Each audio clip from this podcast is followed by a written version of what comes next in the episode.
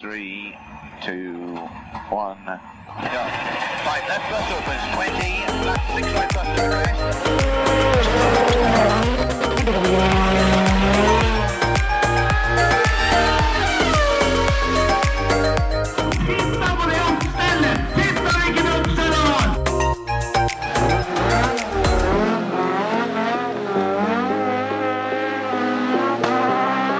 It's lights out and away we go!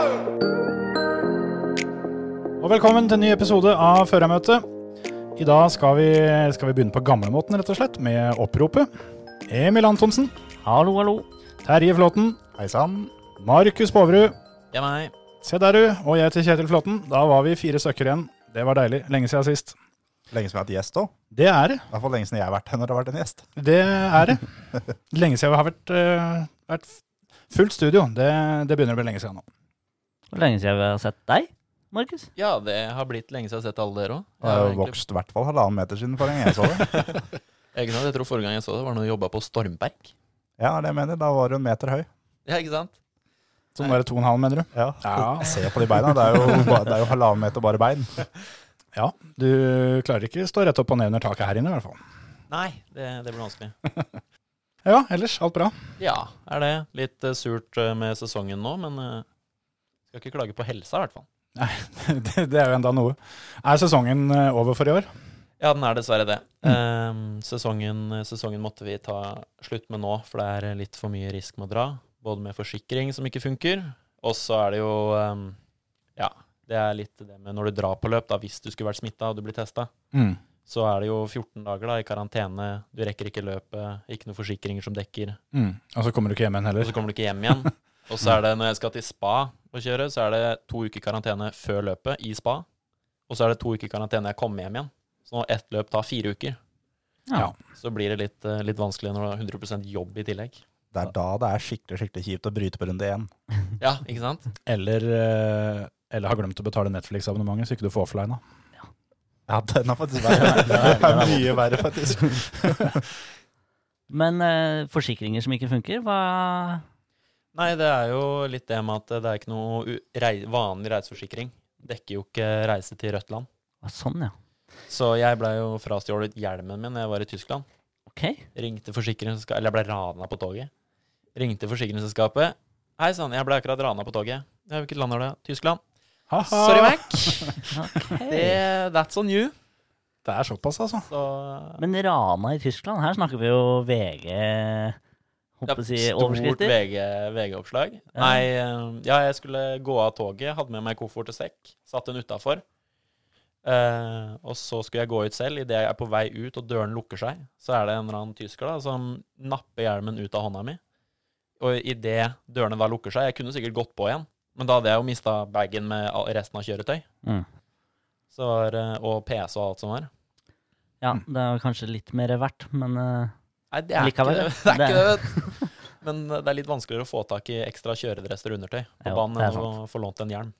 Hva, hva sa Rune da når du ringte og sa at hjelmen er borte? Å jo. Er det mulig å være så jævlig dum? Eller et eller annet i den duren. Det var ikke noe sånn 'Å nei, går det bra med deg?' Jeg kunne jo like gjerne vært knivstikker. Ja, Det var kanskje det neste han, eh, han tok opp. Eller kom dere kanskje ikke dit? Det var mer når tante sa 'Rune, du kan ikke si sånn' på jobb. Så spurte hun hvorfor jeg tok toget, da, så var det Jeg måtte jo ta toget fra flyplassen til, eh, til et annet sted hvor jeg skulle bli plukka opp av teammaten min, og Mm. på vei dit da så ble jeg rana. ok. Så litt eh, rusk i rutinene der, med andre ord. Ja da. Neste, neste Det, gang man har hjelmen på. ja, men da kommer jo tysk politi. Det er sikkert ikke lov. Polizei. Jeg og Emil vi har hatt hjelmen på øh, på flyet. Vi Oh yes. sitter på Ryanair med potta på hodet. Rainer er jo Og dere hadde ikke vært på løp engang? Jeg var på, på vei til. Var på vei til. ja. Nei, Du skulle bare på ferie. Ja, vi fikk jo, ikke, fikk jo ikke lov til å ha med hjelmen om bord som håndbagasje, for den passa ikke i den eh, lille boksen deres. Så da var det ikke noe annet enn å ta potta på huet, da. Og det kunne de jo ikke nekte for. Det var lov å være ekstra forsiktig, tross alt. Potta på huet, visir i bånn. og- Hvorfor er jeg ikke overraska? Altså, jeg gjorde jo det samme. Måtte, skulle hjem fra Italia, riktignok. Mhm. Kunne enten betale hva da, 700 euro for å sende den, Ja. Ellers så Nei, kunne jeg ta den takk. på meg. Så da tok jeg den på meg, men så måtte jeg ta den av meg og legge den i bagen når jeg kom til passsjekk. Mm. For da måtte de jo se ansiktet mitt. Mm. Nei, ja. Og det var ikke noe problem. Det er da du har råd hvis du har et pass, sånn reservepass med hjelmen på. Det var ikke da. Det hadde vært helt overlegent. Rutinert på å fly med hjelm. Ja. Tror, du, tror du The Stig har det? Ja, det tror jeg. Mest sannsynlig. Er det noen som har det, så er det- er det i hvert fall han. Ja. Det hadde vært skikkelig kult, faktisk. Det er en sketsj de, eh, de rett og slett burde lage. At han, eh, han skal på tur. At han skal fly, ja. De må ha pass. Se der, der den, den fikk dem gratis. Ja. Hørte det først på forrige mester. Skal vi se, da. De dukker opp på Top Gear Norge. Ja, ikke sant? Men, eh, men eh, kan ikke du fortelle litt om hva du har drevet med denne sesongen eh, som har vært, Markus? For det, eh, jeg går jo ut fra at de aller fleste veit det. Vi har jo prata litt om det før òg, men eh, det er sikkert noen som ikke har fått det med seg. Så kan ikke du bare ta en sånn kjapp recap på hva du driver med? Jo, i år så starta jo sesongen med Jeg skulle jo kjøre, som jeg har gjort òg, Lamborghini Super Trofeo i europeiske mesterskapet, men eh, så blei det utsatt og utsatt.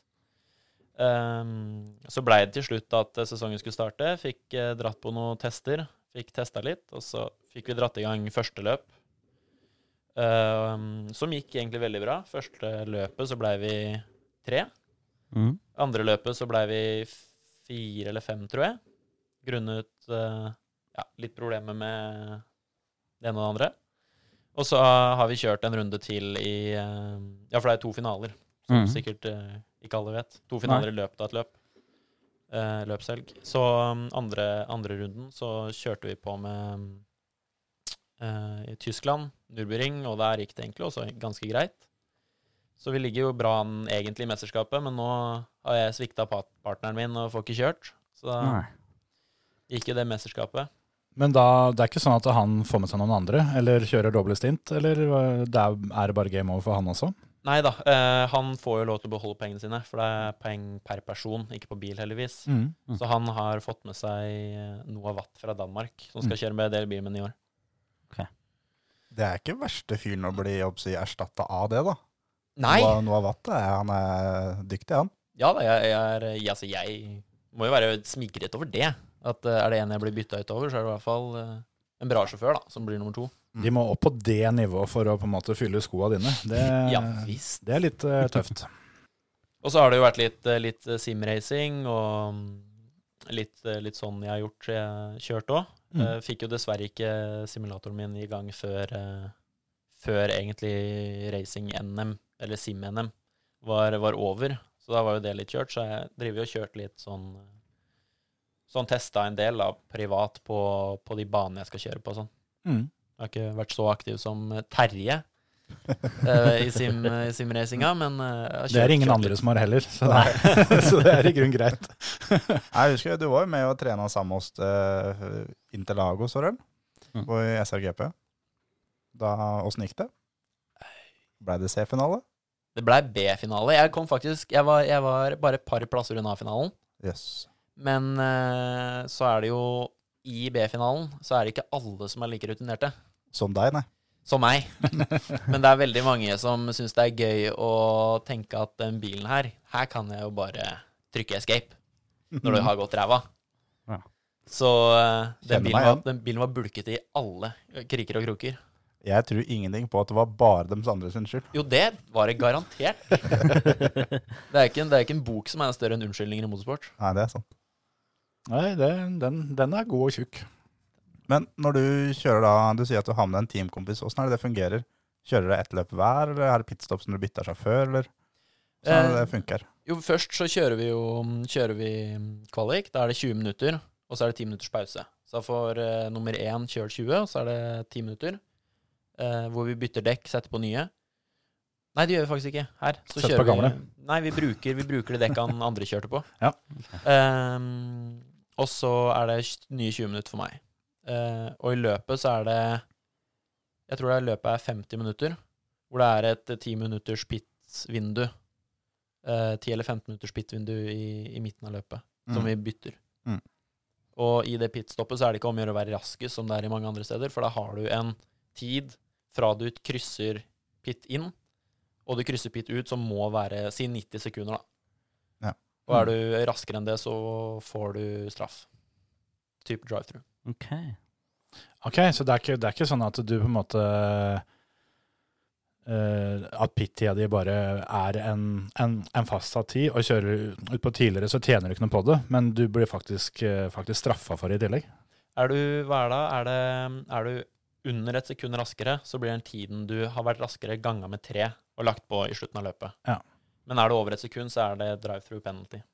Så det blir, eh, det blir litt som rally, da, at du har på en måte TK-kontroll inn og ut. At eh, tida di ut fra pit skal være da og da.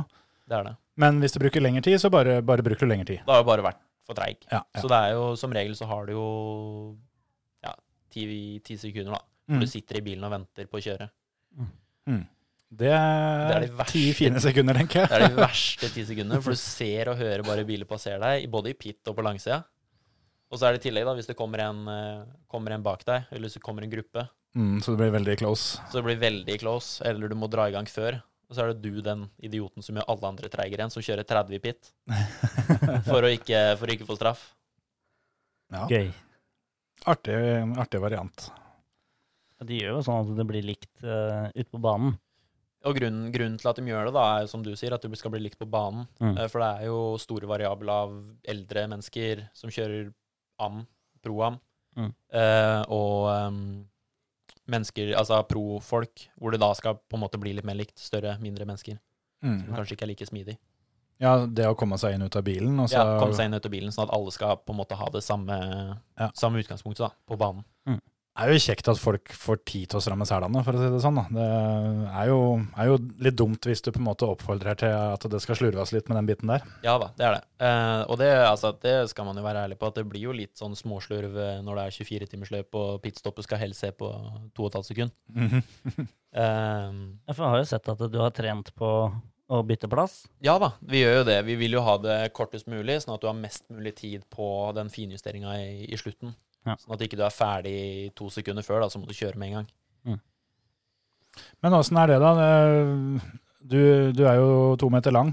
Er han eh, som du kjører sammen med også det, eller er det, er det sånn at du må bytte stol, eller hva, åssen fungerer det der? Nei, altså jeg er litt eh, Når jeg kjører, så jeg driter egentlig litt i hvordan jeg sitter.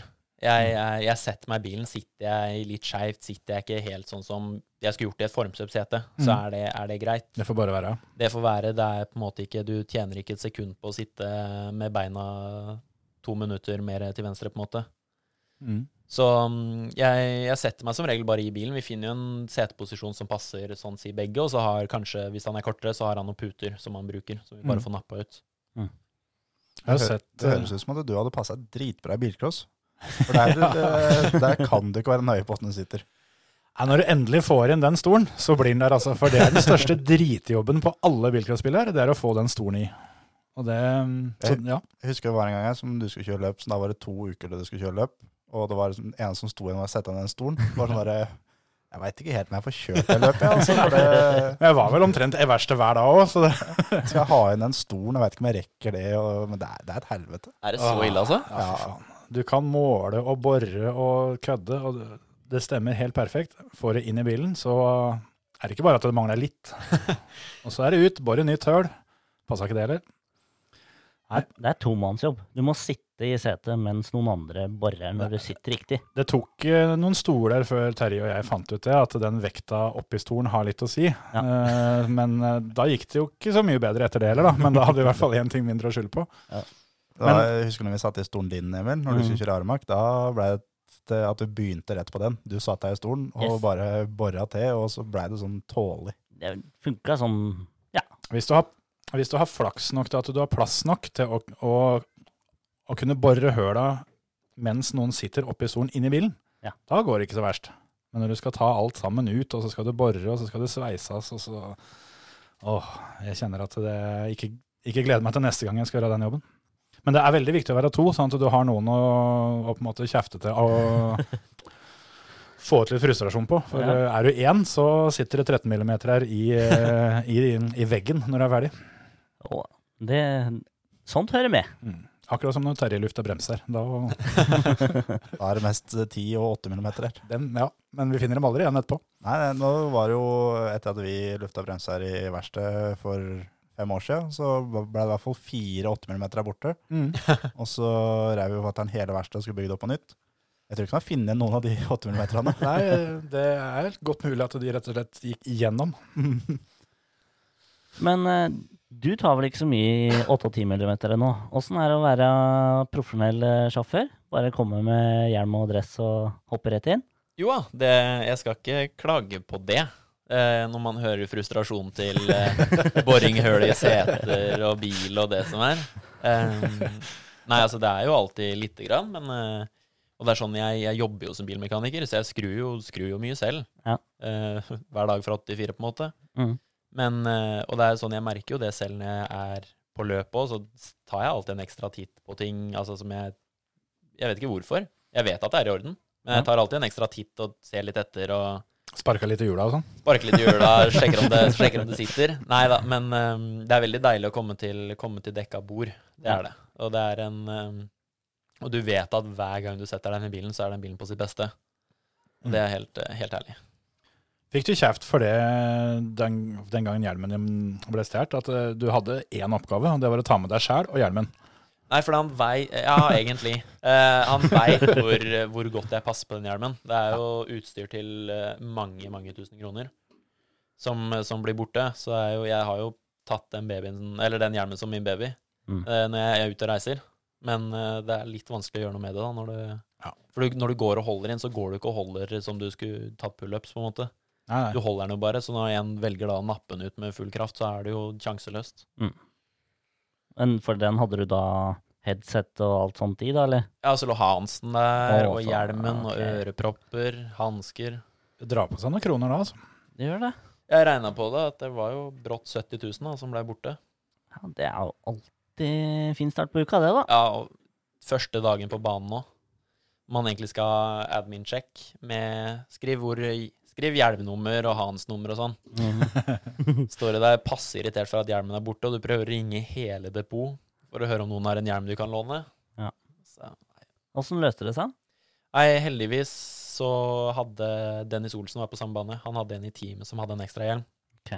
Hvis ikke så ringte jeg til eh, Oskar Sandberg, Mm. og han hadde også muligens en mulighet. Ja. Så, så det løste jeg jo. Noen i teamet hadde en hans, og så fikk jeg låne noen hansker av en annen. Ja, for det var på, var på ringen. Det var på ringen. Da var det, jo, det er jo en del norske som eh, holder til rundt der. Ja, så er det jo mye, mye folk som driver med utleie av biler og sånn, som Mm. har godkjente hjelmer. Ja. Så det hadde løst seg, men eh, Det hadde vært litt fett, da. Kommet med en sånn utleiepotte og så kjørt fletta av det. ja, den var ikke veldig mye bedre enn jeg hadde, altså. Helt sølv Altså, alle har jo lakkert hjelm. Kom hjem med sånn sølvhjelm med helt blankt visir. Eh, Det, og det er litt som de som kjørte gokart i gamle dager med hvit peltor og blankt visir. Yes. De blei sett ned på alle sammen. Ja. Men så kan du snu på det, da. At den, eh, den som flest la merke til, var jo deg. ja, det er jo mye mulig. Så det, da, Da går den julekula ja, ja, ja. Da, kan du, da kan du lure på det. Da er det verdt å be- å betale så mye for å, å få denne potta lakka, når, når det blir bedre lagt merke til uten. ja. Nei, nå har jeg faktisk Nå kan jeg at jeg blir godt lagt merke til med den nye jeg skal ha. Får vi håpe på det. Ja, for den nye er bestilt. Ja, eller det jeg dri- er i Jeg må jo prøve å Jeg snakker med forbundet litt, for det hadde delvis skyld i Med tanke på forsikring. Ja. Ehm, for jeg trodde at alt var greit idet jeg reiste, for det hadde jeg fått beskjed om. Så Mm. um, jeg Ok. driver og snakker litt med dem om dem også kan hjelpe meg litt på veien. Men eh, jeg snakker, snakker med en kunst, norsk kunstner som skal designe hjelmen min. Oi, oi, oi. Det er tøft. Nå snakker vi. Ja, jeg tenk- Aune Sand. Mye peniser over hele hjelmen. Nei da, det um, Nei, det er Vulva en på hele baksida. Det er jo ideen din, Kjetil. Ha rett og slett ha brunøye bakpå. ja, men det, det har jeg tenkt på. At det, hvis du har et ordentlig hårete dimecross midt bakpå hjelmen, det må jo være skikkelig Altså, om han fyren bak ikke, ikke blir forstyrra av det, så blir jeg forstyrra av at han ikke blir forstyrra, for å si det sånn. Så det, ja, det skjer det en dag som jeg plutselig har altfor mye penger til overs. Vet jeg, hvis du da hadde kjørt gokart og du ble kjørt av banen, så trenger jeg ikke å spørre hvorfor. For da er det sånn der, Nei, det, men det får jeg tåle. Men eh, jeg tenker vel heller litt på det eh, Ja, nå har vi jo eh, Det eneste jeg kan se for meg som ville tatt den, eh, den jobben, da, det må jo bli Stian Paulsen. Ja. Det er ingen andre som er gærne nok til å faktisk eh, orke å å- Kan hende de hadde gjort det, bare ikke signert med navnet sitt. Ja, det er akkurat det. Nei, for det, det er jo litt sånn at det, du skal jo ha noen til å, å faktisk lage den her hjelmen òg. Det, det, det er vel det som er det verste, tror jeg. Jeg tror det. Så veit jeg ikke om det er noe Tenk deg det å stå da inn og da ut og pusse og klarlakk og pusse på hele greia der. fram eh, polish, fill og gni og pirke årene. Men Altså, om ikke det er regler for det, så vil jeg tippe at det kanskje hadde blitt regler for det. For eh, når du kommer, kommer på innsjekken med dette her, og eh, det, ja, det hadde jo blitt rynka et eller annet øyebryn, og- vil jeg tro. Ja, det så tror jeg. Se for meg at du går forbi, og så bare eh, folk som står og ser på meg. Faen, har du sett det rasshølet der, eller? så måtte du jo måtte du ha hjelm på seg som, som var med Matcha. var med underbuksa på, da. Sånn at, at når du åpner den da- Nei, Ja. så Hvem er det som skal lakke hjelmen din? Han heter så mye som Maserati, Maserati, Maserati. Er han som designer. Og han, Mm. har jeg hørt som faktisk. Du har det? Mm. Han, har veldig, han har veldig spesiell kunst. Er ikke han litt sånn, eh, ikke bare litt, men veldig up and coming, og har hatt en del eh, litt svære greier som det har stått litt om i, i mediene i det siste? Jo. Det, og det er vel derfor jeg har hørt om den, tror jeg. Han, eh, han jobber en del med Onkel P og sånn. Stemmer. Så der kan du Nå har jeg fått Instagrammen her, eh, sånn, og det Se her, ja. Da kan du jo da, Er det sånn at folk kan gå på Instagrammen din og se bildet? Jeg har ikke, jeg har ikke fått noen bilder av Jeg skal ha møte med han i løpet av uka. Ah. Insta-rape. Men da så, men, eh, ja, For å fullføre dette reklameforsøket, da, så kan de følge med på instaen din framover. Ja visst. Og da, der heter du Eh, Markus Poverud.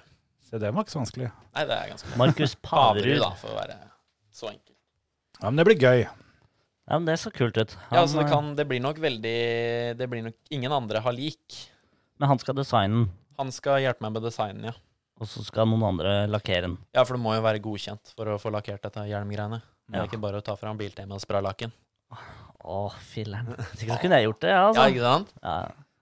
Ja, hvem er det som har fått den, eh, eller hvem er det du ser for deg, da? Det er jo mange kjente rundt om i lakkeringsverden om dagen. Ja, det er jo det.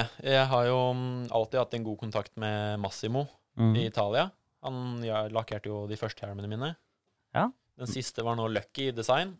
Mm. Og så må jeg jo se, jeg har litt lyst til å bruke Helmart Ja. på, på siste. Eh, men så må man jo se hva det koster, da. Det er vel eh, en hjelm som kommer til Melsomvik nedafra Helmart snart, er det ikke det? Kommer to. Det kommer til å ja. Så jeg har noen prislister til deg, hvis du vil ha. Dette her eh, er en eh, form for nerding jeg eh, ikke henger helt med på, men jeg bare ser det blinker i øya til tre, tre karer i studio her nå. Det er som det første Philip sa når han hørte at jeg hadde fått mista hjelmen min. Mm. Faen, Markus, nå blir det ny hjelm og greier! det, er det, det er det morsomste, egentlig, sånn med, utenom kjøringa, er jo det å ha, den, ha hjelmen. Men for broren din, altså da Philip, det er det beste han veit. Ja. I hele verden, bortsett fra familien sin, så er det det hjelmer. Ja.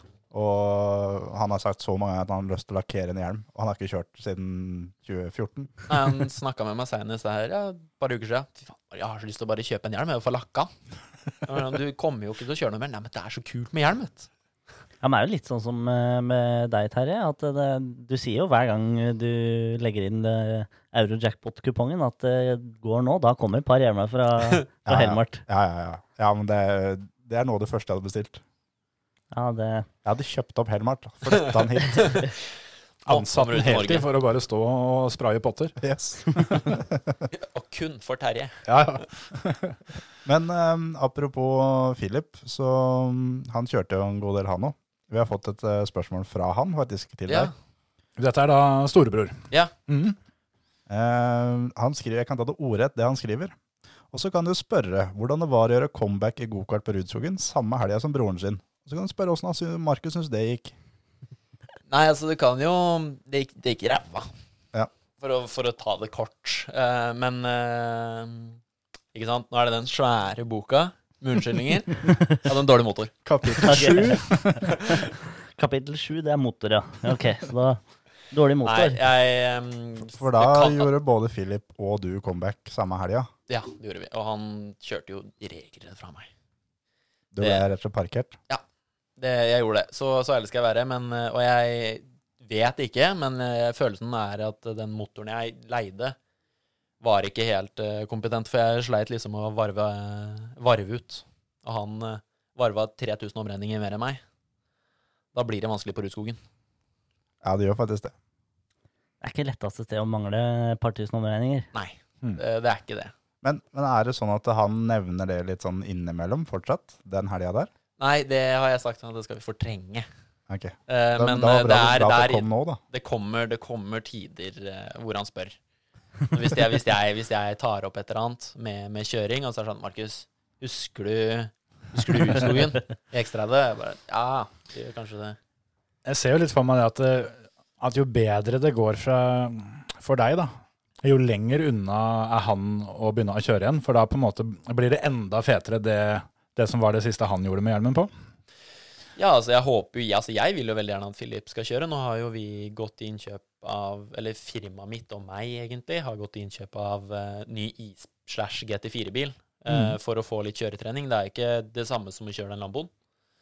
Men eh, da får du kilometer, og når du har så ekstremt tight budsjett som det jeg egentlig har, så kan du gå, og med de prisene som er i utlandet, så kan du gå og kjøpe en bil som du kan kjøre med hver dag i Norge eh, for prisen av én test, eller prisen av én splitter på Lamborghinien.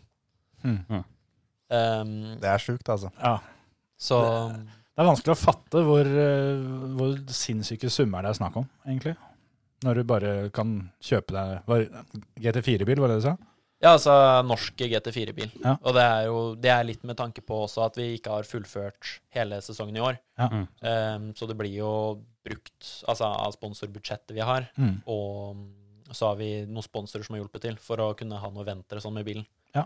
Så det er på en måte det er et samarbeid mellom meg og sponsorene mine for å kunne dra med, dra med folka de har, da. Ut på, ut på isen, ut på Rudskogen, for å få kjørt litt med de. Mm. Kult. Blir vi regna som partner nå, eller? Ja visst, det er bare å bli med. Skal jeg føre meg til Mm. på isen? Ja, ja, ja, ja, ja. Det blir kult live fra bilen. Ja, dæven. Ja, vi, vi var jo inne på tanken forrige gang vi snakka om eh, å ha podkast live fra bilen, så var det snakk om en challenge-løp, og vi fant ut at det ble for mye. Så eh, jeg vet ikke med GT4 på isen om det blir noe bedre. Jo, jo. Jo, jo, jo. Men vi, vi er ikke fremmede for å prøve. Nei, nei. Er det baksetet inn? Nei, det er det ikke. Går an å Det er få jo mulig. Dere har jo, dere har jo full kompetente til å sette inn eh, Setter, ja. stoler, dere. Ja, ja, ja. Terje og Kjetil tar jobben. Ja, Gi ja. oss eh, fire 13 mm skruer og eh, eh, drill med litt- litt sånn slut bor. Der, Ja. der. Mm. Tvert. Så det går sånn ordentlig varmgang i båret før det i det hele tatt nærmer deg å komme igjennom. At du må spytte og spytte og spytte. Bruker ikke olje. Det er spytt. Inn skal han. Og så så griner begge to. Ja, vi har jo hatt mye fete biler eh, ute i gårdsplassen her. Og vi tenkte ja, ja, nå kommer Lamborghini-sjåføren her. Da kommer Lamboen eh, rullende inn. Det har de ikke ordna.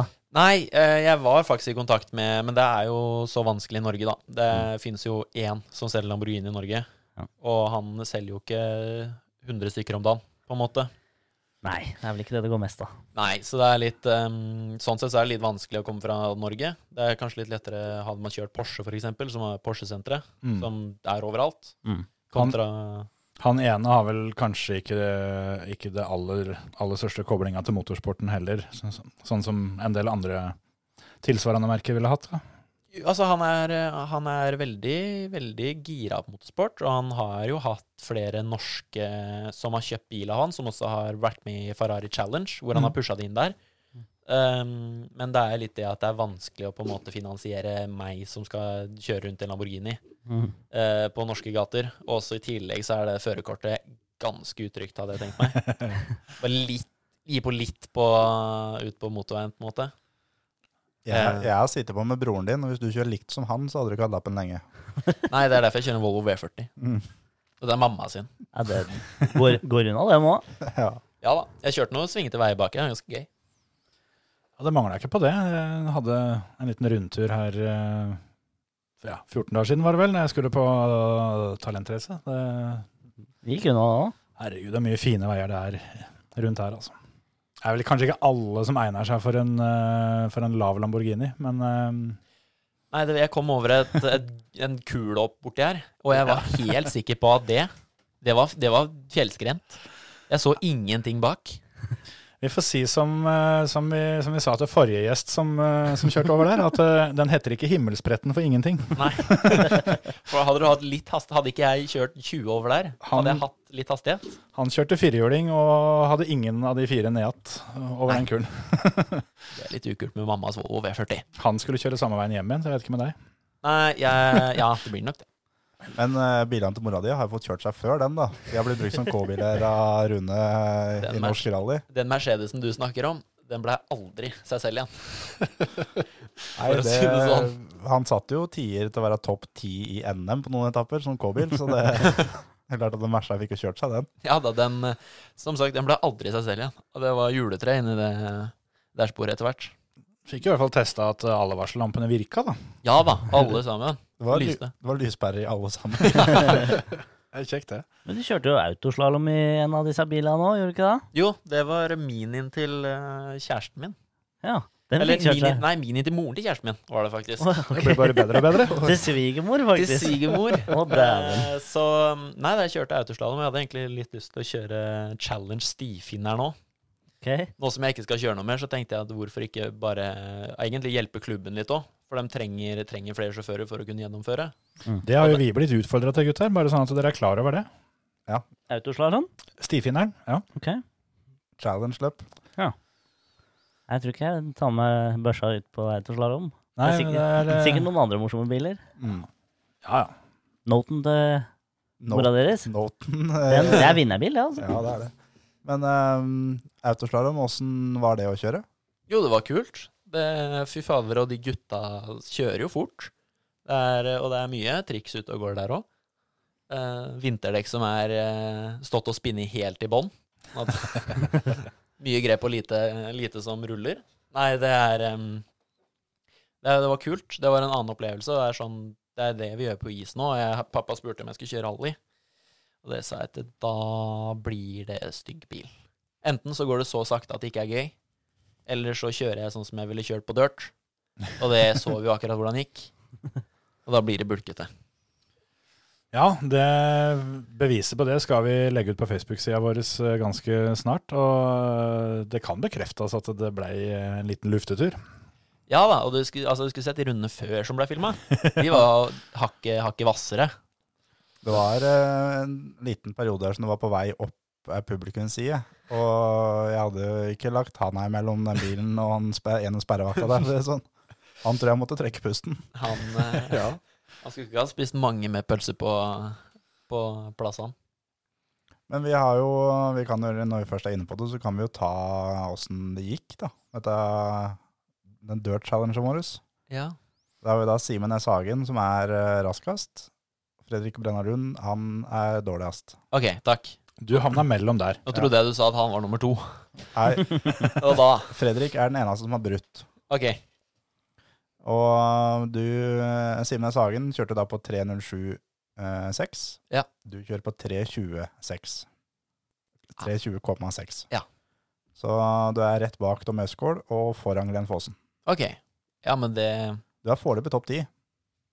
Ja, men Det kan da, ikke være da ble så- det ikke noe mer gjester på føremøtet. Nei. Nei, vi har jo ikke definert hvor lang eh, sesongen er, så mm, vi får se. Det blir nok sikkert et par, eh, par til. Sesongen må gå et år, vel? Ja, det må jo Syns jo det. Det må gå fram til vi får eh, en som kommer som gjest for andre gang, som har kjørt før. Ja, det er sant. Da, da begynner vi på ny. For eksempel. Det, det får vi ta når det dukker opp, tenker jeg. Så da er det meg neste uke òg. Ja, ja, ok. Ja, Men eh, kjører du mye simulator sånn til vanlig, eller? Det har ikke blitt så mye som jeg egentlig hadde håpa på. Det har blitt litt, altså Jeg har flytta litt, og så har det vært det ene og det andre. Men jeg prøver jo å kjøre regelmessig. Nå har jeg ganske grom sim stående hjemme, som jeg syns det er for jævlig å la stå. Eh, Så mm, jeg driver og kjører litt, og nå skal jeg mer tilbake, tilbake i det. Jeg har Mm. sett det har kommet eh, P2-bil på iRacing, som jeg har prøvd litt. Så den, eh, den skal få kjørt seg litt. Er, eh, er Lamborghinien din eh, der, eller så du får kjørt den? Ja, den er på Assetto Corsa, Ja. ikke, på, ikke på iRacing. Og jeg syns ikke det spillet var sånn alfa og omega, jeg, altså. Jeg syns det var, var et litt dårlig spill kontra iRacing. Mm. Det har på en måte Det er eh, steget over, over det andre. Nå krøller det seg eh, hos en hel haug med lyttere her for at vi kaller det for spill og ikke simulator. Det er jeg helt sikker på, for det, det der har jeg fått med meg at det, det er å banne i kjerka. Nei, men ikke sant? Men Jeg- Assetto Corsa er spill, og Ja, jeg vil heller si det. Ja, altså jeg vil, jeg vil kalle iRacing er en simulator, det er en kjøresimulator. Mm. På, for der har de der, altså de, de jobber jo ekstremt mye. Og Assetto Corsa er et bilspill. mm, mer underholdning. Ja. Mm. Eller det, altså det er jo selvfølgelig, du kan jo trene der der jeg har kjørt mye, for der er alle de banene jeg har kjørt på. Men eh, du, jeg går jo heller tilbake til iRacing. Mm. Det er ikke sånn at jeg setter meg ned med Assetto Corsa og tenker fy fader, for en kjøreopplevelse. Nå er vi der. Nå har vi den. For du kjenner ikke farta. Og det er det, det, det er problematisk, i tillegg til at det er SIM. Mm. Og at du ikke kjenner farta, da, da er du ganske langt ute å kjøre. Mm. Du kan jo være med på Norwegian Rookie League på torsdag. Ok, ja. Men Det er i kveld, det. Det er i kveld. Eh, Jeg er kommentator, så jeg skal snakke pent om det. Hvis du, Du sa på torsdager, episoden her blir slett på torsdag, så det, er, i- det blir i kveld for de som hører på. ikke sant? Og det er bare å bli med der. ja. Det er med GT3-biler. ja, ikke sant? Nei, men eh, det, det, det, det må jeg jo prøve på. Og der melder man seg på hvor? Eh, søker opp Norwegian Rookie League på iRacing. En Ja. li liga der. Blir med der. sånn. Så er det løp annenhver eh, torsdag. Og vi fra føremøtet er kommentatorer. Ja. Hvilken bane er det denne uka, Terje? Interlagos. Nei Jeg Der har du masse treningsrunder. Jeg har lyst til å kjøre. Jeg tenkte på det, at eh, det hadde jo nesten vært innafor å vært eh, kjørende kommentator, for den banen er jo du ganske glad i. Ja, det er jeg. Men ehm, Hvor mange runder var det du hadde før Simracing Grand Prix? To. ja, ja, så legger det altså på tre nuller på det totallet. 2000 runder. Ja. Og her kommer jeg og tenker at fy fader, det her blir bra løp. Starter eh, tre timer før løpet, løpet drar av startplata. Nei, det ble mye runder den gangen der. Men, ehm, men rookie-ligaen, eh, som for din del, da, for å komme litt inn i iRacing igjen, du som har hatt en lang pause, så er det veldig bra liga å by- komme seg inn i fightinga igjen og Mm. kjøringa. Så blir det da direktesendt på YouTube, Ja. og som du kan sende til sponsorer og sånn, vet du. ja, ikke sant? Ja, for det er jo litt det òg. Nå er jo det på en måte den plattformen Mm. å faktisk hente kanskje mest sponsorer på. For der får man jo vist seg til et stort, stort publikum. er Norwegian Sim Racing Channel den heter. eh, Kanalen på YouTube. Ja. Søk opp den. Og så for de av dere som eh, hører denne episoden eh, mens det fortsatt er torsdag, så kan dere se det løpet live i kveld klokka ni. Ti. Ti. Kan finne på noe annet fra ni til ti, og så kan du begynne å se løpet klokka ti. Ja. Og så um, Hvis ikke du får sett det live, så ligger det ute i opptak. Det gjør det. Og da er det Terje som skal kommentere, og hvem veit, kanskje en av oss andre klarer å få til å være med, da. vet du. Vi får se. Det kan hende. Og Markus skal kjøre. Og Markus skal kjøre, det blir gøy. Ja, greit. Da, da ble jeg med der, jeg. Hørtes det ut som. Nei, men da må man jo bare legge seg hardtrening. Det er jo ikke den banen jeg syns er eh, morsomst. Men eh, Vi så jo på Dirt-challengen at du, du kjørte ned tida di ganske grovt på de to, eh, to treningspassa du fikk der. Så hvis du får et, eh, et par timer på den banen eh, med den bilen, så burde det bli bra. ja, man må jo prøve å huske. Det er jo egentlig det alt handler om. Så i hvert fall på dirt, der hvor jeg ikke har peiling på spor, så er det egentlig bare å huske svingene. Ja. Mm. Det er, det, som, eh, det er der jeg tar det. Der. Men eh, på banen så er det jo litt mer eh, Der kan man jo spor, og man må jo treffe hver gang. Det, for å si det sånn. Du hva- hadde jo hatt grafer på det dirten, så hadde ikke det vært i nærheten av det samme. Noen av de rundene. Jeg tror jeg hadde vært huepine å begynne å studere telemetri fra, fra dirt når du, når, du, har- når du kjører rally der, altså. Ja, det er For det er vel noe dere gjør i iRacing? Å, ja, ja, ja. Ja, Der går det jo på der, Altså, det er presisjonsverktøy. ja, ja. Og, Det er- men, men å drive med det når du skal kjøre et sjuminutters rallyetappe, det tror jeg hadde blitt slitsomt. men de gjør det på ekte. De som kjører rally. Ja, ja. Men da, da er de vel på et sånt nivå at de er forholdsvis jevne Ja, det er før en begynner, da. Det er, det er noe annet eh, enn Sånn. det vi driver med. Ja. Men det er, eh, på iRacing så er det sånn at da eh, Si det er én sving da, som en taper eh, tiendedel, f.eks. Så er det greit. Da må jeg bremse én meter seinere. Ja. Og det, det er det eneste forskjellen da, fra target-tida. Så, men det er jo sånn som vi har vært vant til å jobbe med fra gokart. At vi har eh, brukt telemetri. Og for din del, Emil, så husker jeg at det var å gire var det et tiendedel tidligere til hvert gir på en bane. Det Ja. var, det var eneste forskjellen en gang. Ja, så da ja, Istedenfor tiendedeler så brukte vi jo bare turtall. Det er snakk om bare et par hundre turtall forskjell, liksom. Ja, men det er det samme som vi gjør på, på um, Altså i Lambo nå. Det er jo, vi går gjennom det som jeg sier til de som kjører, at, «Å, det er så-» eller de som ser på, da. Mm. Og de som ikke vet alt, på en måte. Som sier at ah, 'det ser så kult ut, du får kjørt så mye' og sånn. Så det er- det er ikke så mye kjøring. Jeg er på banen fra åtte, åtte til åtte, og så får jeg kjørt eh, to timer maks i løpet av en dag. Og så er det seks, i hvert fall seks timer da, med, med å gå gjennom data. Bruker omtrent like mye tid på å spise og drite som det du faktisk får kjørt. Ja, det jeg bruker nok mer tid på å spise, ja. Nå har vi fått sånn flott sånn VIP-catering eh, med Lamborghini. Ja. Så den, eh, det er helt herlig. Noen Hvertfall- goder er det. Ja da, det er det absolutt. Men når du sitter og, mm, sitter og venter da fem timer fra første omgang, som er klokka åtte, og neste omgang som eh, Ja, pluss det er klokka tre, så må du jo fordrive tida med noe. Og mat er Mat og data er det det går i. Denne episoden er sponset av Ingen? Hæ? Er det ingen som har sponsa denne episoden? Nei, det er ikke mulig. Ja ja, da er det ledig annonseplass, da. Hvis du eller ditt firma kunne tenke deg denne plassen i neste episode, er det bare å ta kontakt. Det hadde jeg gjort. Vi, vi husker jo veldig godt Terje fra du var eh, yngre og kjørte kart. Og da var det jo veldig greit at det gikk ganske radig mellom eh, kjøringene. Det måtte det. For det- der var det høyt energinivå. Det var mye, mye sukker som eh, som fikk, fikk inn på en eller annen måte. Jeg fikk jo ikke sukker, men det var mye sukker der for det. Ja, Fikk sukker av oss, jeg husker. ja da. Red Bull, da. Husker jeg på vei hjem Jeg fikk eh, beskjed av faren til Marius Nakken, tror jeg, om at eh, hvis jeg vant eller kom på pallen på, oppe i Bergen når det var eh, Norgescup, skal jeg få to monstre.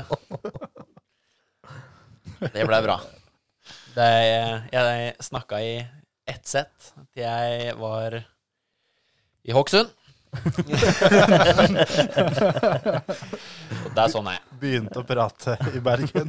Trakk pusten for første gang i Auckland. Og Der tok han kvelden.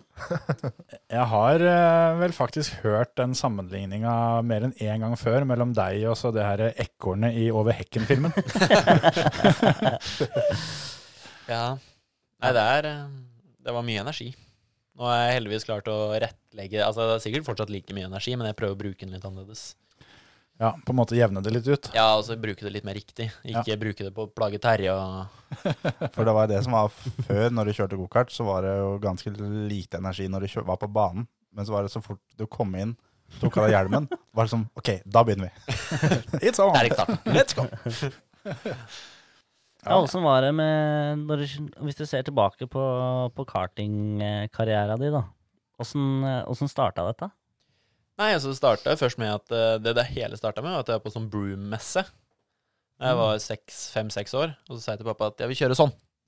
Og det var leiekart, da. Sånn barneleiekart Mm. inne. Så sa jeg at eh, Der fikk jeg kjøre, da. Og så sa jeg til pappa når jeg kom ut, at sånn vil jeg ha. Åssen Ja, fikk Sånn, du- sånn, sånn vil jeg kjøre. Ja. Så tok det jo, måtte jeg jo vente til jeg hadde bursdag, og så fikk jeg en gammel brukt kart. Og brukt utstyr og alt som var. Mhm. Men vi fikk kjørt, og det var kadetti. Og det var, altså, det, vi reiste opp til Hønefoss og kjørte hver gang det var trening. Eh, og fikk, fikk bra hjelp av de oppe i Hønefoss, fordi vi kunne jo ikke veldig mye. Pappa hadde drevet mye med motorsport selv, men det er alltid bra å høre av noen som driver med det aktivt, på en måte Absolutt. fikk mye hjelp der oppe, og så mm, dro vi til Italia første, å- første eller andre året på den treningssamlinga til Geir Tårni på mm, South Garda. Som vi da bestemte oss for at eh, nå kliner vi til. Så kjøper vi en kliss ny Tony. Ok. Og da, det var da på en måte hele virkelig Begynte. starta. Åssen var det? Var, eh, var broderen med da òg? Ja da, Philip eh, var, har jo egentlig vært med hver trening hvert år i sikkert eh, ja, bortimot ni-ti år. Mhm. Eh, Fram til han fikk Ida og unger, så var det jo jeg som okkuperte mesteparten av tida hans. Og vi kjørte jo mye sammen. Ja. Og han kjørte jo sammen med dere òg, på en Mhm. måte. Eh, men så mm, fikk han unger og fikk andre prioriteter, så måtte jeg ta over stafettpinnen. Ergerlig nok, så fikk jo jeg kjøre, kjøre det jeg kjører nå. Ja. Istedenfor at vi begge to skulle delt på kjørt ja, GT4 i Norge, som er altså det Når jeg ser på det, så gleder jeg meg faktisk til å kjøre GT4 i Norge med denne nye Clioen. Å, men du vil jo heller kjøre Men kjøre eh, trofeo. jeg, skal ikke, jeg skal ikke klage på å kjøre den Lamboen heller. Jeg husker det var eh, noen eh, tider eh, når Philip kjørte girkart, og du kjørte kadetti, som som da er den raskeste klassen mot den eh, treigeste klassen. Da var vi i Uddevalla, vel, som eh, da Philip la seg bak deg, og Tømte bånn gass, gir. og la på alle gira den KZ-en hadde. Og skøyv over sletta. Og den kadetten, det, det Når det- hørtes ut som du skulle sprenge alt sammen. Du var Når Ja, det er man må da ha vært eh, Sju-åtte år Ja. og kjører Kadetti, liten ramme i ja, bortimot 150 km. Som egentlig skal gå i 90. i maks 90. Ja. Det er Sikkert ikke det engang. Ja, Det var men gøy. det, det hørtes i hvert fall gøy ut. Da. Men det er ikke sikkert alle som så på. Kan hende at mor syns dette her var, eh, Ja, var litt røft fra storebror. det var jo det var, ja, det var vel, ja, det tror jeg faktisk når vi første gang reiste med Ge- Geir Tony, det var vel første sesongen jeg kjørte. Skulle kjøre Kadetti. Første Geir Tony sa at du kan ikke kjøre der i Italia. Sånn. Jeg er jo junior 60. Kjør. Og da, Det er et par klasser opp, da, for dem som ikke veit ja, det. det, så det er jo tre, ja, bortimot tre klasser opp. det Sånn, er et egentlig. drastisk hopp. Eh, og det var et drastisk hopp i forhold til konkurrenter òg. Når du Mm. kommer ned til Italia, kjørt eh, et par supertreninger på Varna. Eh, og sånn, her er Juno 60, og så kaster de deg på sammen med Lorandi og de gutta som kjører kjørte aktivt. Mm. Det var også litt voldsomt. Men hvor gikk du videre der fra når du da kom hjem fra vintertest og, og kjørt med de store gutta og ny klasse og nye kart og alt sammen? Holdt du deg i Norge, eller gikk du litt utenlands? eller hvor- Vi kjørte jo, vi kjørte jo en del i Norge, altså vi kjørte egentlig mest i Norge sånn til å begynne med. Mm. Eh, og så bevegde vi oss på en måte litt over mot Sverige.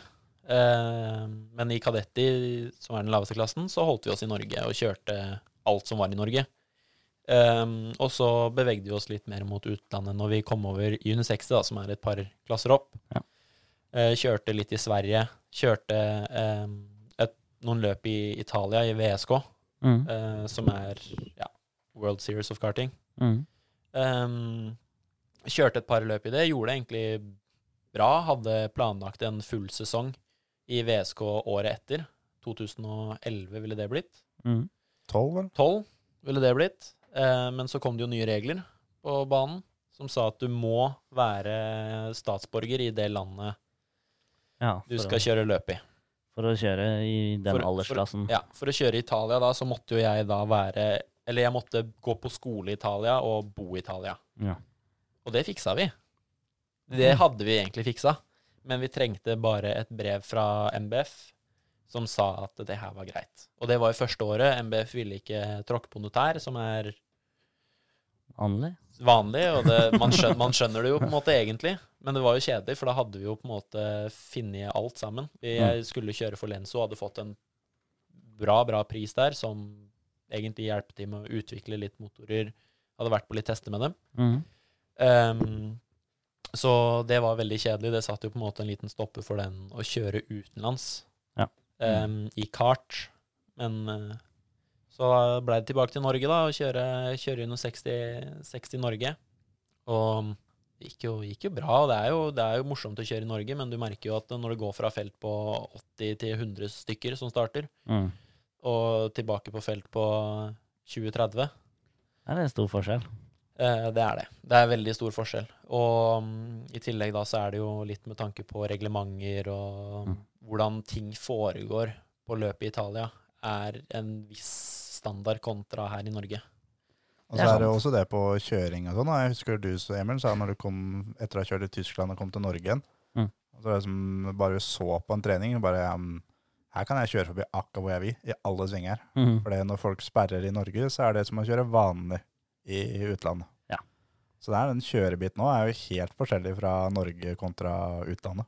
Ja, jeg husker jo mm, kjørte, kjørte i Italia, første løpet jeg kjørte. kjørte jeg sånn som jeg gjorde i Norge, og da, fikk jeg, da ble jeg nesten banka idet jeg kom hit til teamet igjen. Og bare, Hva er det du driver med? Det er jo helt natta. Har du gjort dette før? Ja, det er sånn, har du, har du noen gang kjørt kart før? Og det, mm, så det blei jo bedre etter hvert, men i finalen så ble jeg jo først snurra én vei.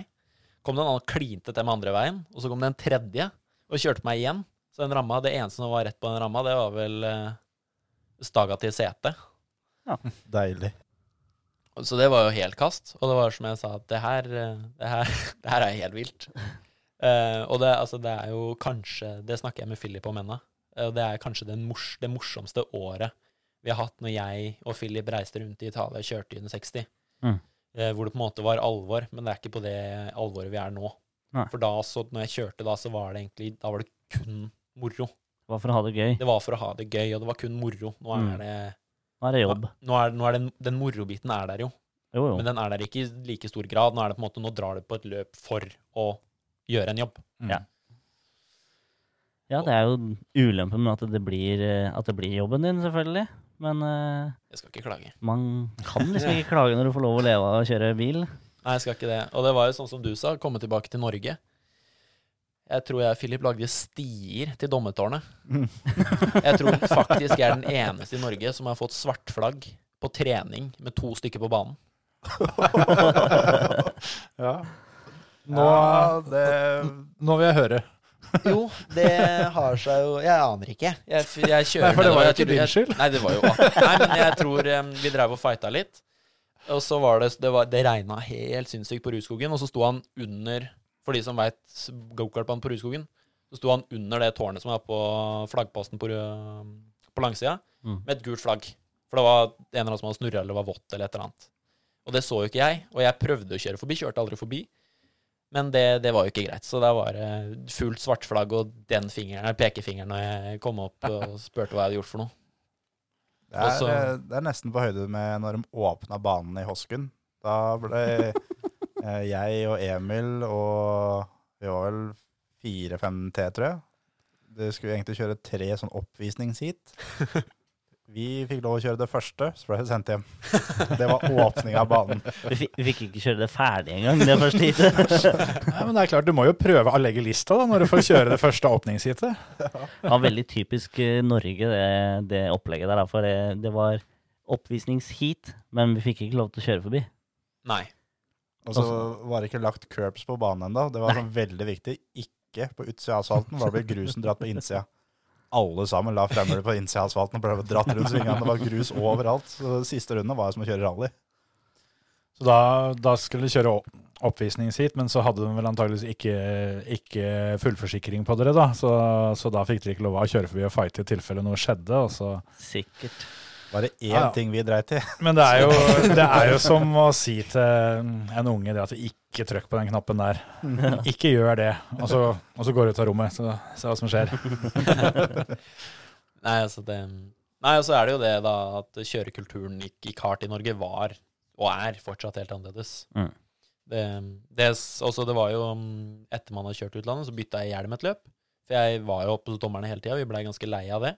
Mhm. Og så fikk vi beskjed av de som var i juryen, at eh, nå så sier de ikke startnummer lenger. Nå sier det Markus Poverud Mm. oppe i det dommertårnet. Eh, bytte løp på Rudskogen til eh, hvit hjelm istedenfor full hellakkert hjelm som lyste, for den var oransje. Mhm. Jeg har ikke hos dommerne én gang, jeg. Ja, det er rart det Det der. var helt konge. Men åssen var det å ha broren din som mekaniker, da?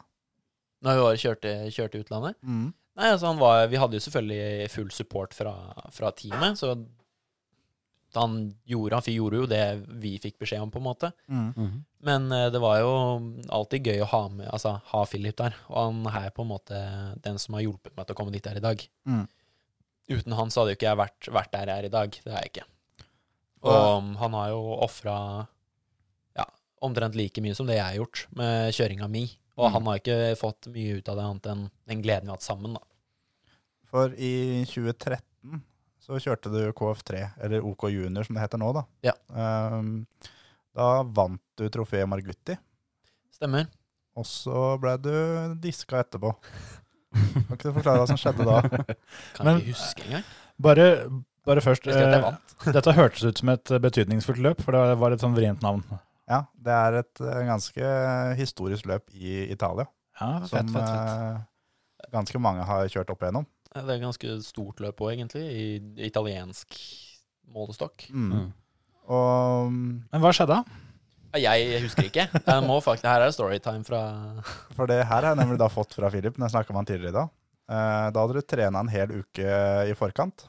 Eh, Philip var mekaniker. Stemmer. Han hadde glemt å da fjerne Sot på toppen av stempelet. sot på toppen av stempelet, ja, som gjør at volumet ble gærent.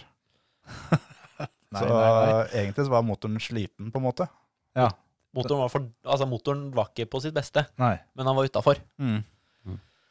Ja, for da, ja, da ble kubikken på en måte Slagvolumet ble, for, eh, ble ikke som oppgitt. Men åssen er det da, når, liksom, når det er broren din som gjør at ikke du får vinne? Åssen eh, åssen var stemninga da i familien på Overud? Jeg kan nok hende at jeg flippa helt på han, men eh, sånn, i hvert fall, sånn som jeg ville tenkt nå, altså, som vi også snakka om der nede, var jo det at det er flere der nede som har mye mer peiling enn Philip på screwkart, som burde hjulpet oss, som vi også kjørte i teamet, som burde hjulpet oss med, med det. Mm. For det er sånn, her kommer jeg ned, jeg er 14 år eller noe sånt nå, kjører, eh, kjører et løp i, jeg var yngre enn det, og 13 kjøre løp i KF3, stort løp, men eh, så får du ikke beskjed om en så enkel ting om at fjern soten på stoppen av stempelet. Mm. Så mm, jeg kan jo ikke skylde på han. Det er jo på en måte ikke hans, sin, hans sin skyld at det blei feil. Nei, det er jo Eh, ikke akkurat eh, lett for han å vite at det er noe du må At det er noe de gjør. Den karten starta og gikk, Ja. så hvorfor skulle ikke det være greit, på en måte? Nei. Det er sånn som skjer, det. Og vi har ikke 14 motorer vi å bruke på, bruke på det. Eh, Annet enn ett løp, hvor vi kjørte for eh, Lenso i KF3. Og vi skulle teste. Husker jeg kom ned, vi hadde ett stort telt, vi var to førere. Han hadde sin kart. Jeg hadde fem chassiser og 14 motorer. Ja. Og han sjefen skulle skru, han sjef Lenso selv skulle skru, og han skrudde skeiv topper. Og han skulle dra til med moment, og den var skeiv. Han skrudde skeivt alt som var. Han hadde ikke peiling. Ja, ja. Han tenkte han skulle være helt sjef, da. Han var helt sjef, han. Um, nei, så det Det er mye sånn i de åra jeg har kjørt med Philip, da, når vi kjørte i utlandet, Mm. så har det vært veldig mye moro. Det jeg er jo synd å ikke ha han med på løp, løp nå, Eh, men nå har han jo andre prioriteter som er viktigere enn meg.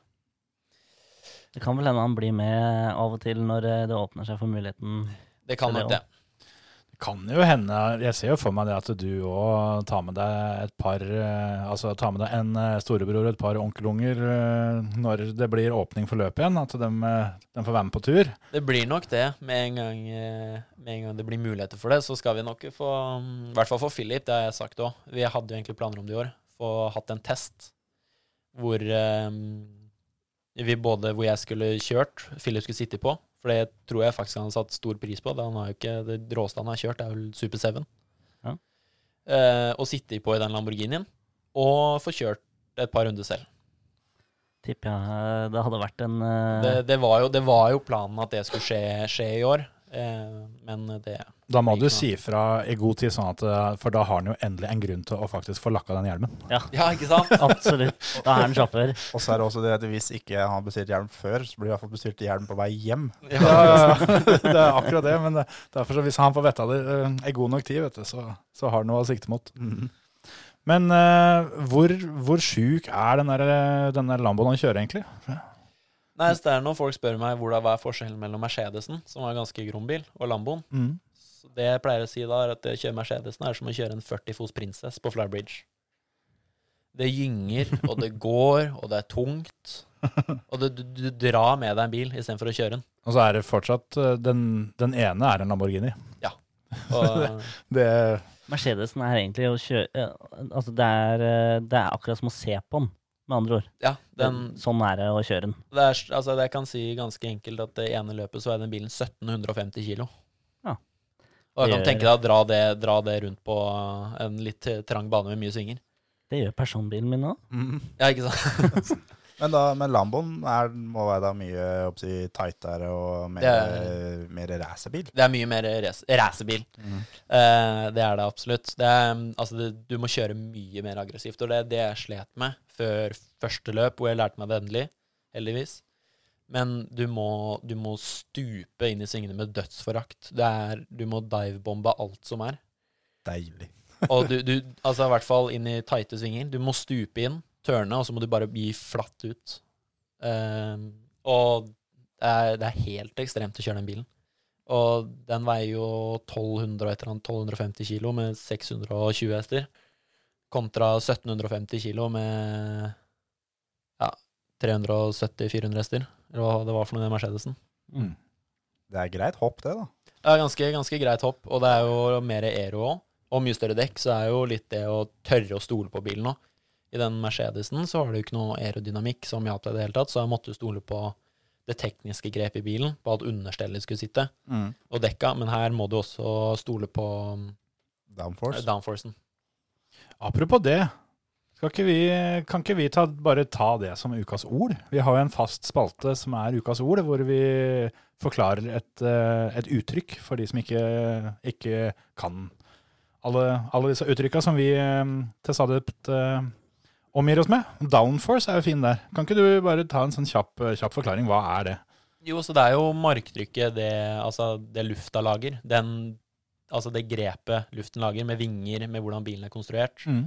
det marktrykket du får av, får av det, selve bilen og vingene du har på bilen, Mm. eh, kontra det grepet som du vil få fra understellet. Mm.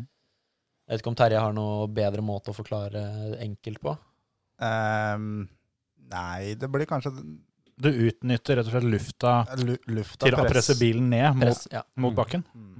Det li- ligger litt i navnet, egentlig. Ja, gjør det. At eh, downforce det blir jo at lufta trykker bilen ned for å gi mer grep. Forsa down. Yes. Det blir det motsatte av et fly, da, som du helst skal få opp. Ja, den må vingene andre vei. Så um, hvis, du, hvis, du får, hvis du får montert det litt gærent, så, så angrer du på det etterpå. Da, liksom, da, da ser du det bortover sletta. Du, du merker det også ganske godt hvis du får montert det gærent idet du skal enten nedover langsida, Mm. og du bare ser at bilene reiser fra, eller når du skal, sånn som meg, på Nürburgring gjennom Schumacher S, og ræva slipper fullstendig etter første, første venstre, Mhm. og du snurrer baklengs i ja, 130 km. ehm, så merker du at den downforcen hadde vært fin. Den vingen hadde vært fint i en litt annen posisjon. Det er vel kanskje en grunn til at eh, altså Kan det hende det skjer fra alt jeg vet, men at eh, du skal tenke deg om litt. da, Hvis du, hvis du driver racerbilfirma, da, så skal du kanskje ikke hente, hente mekanikeren fra SAS.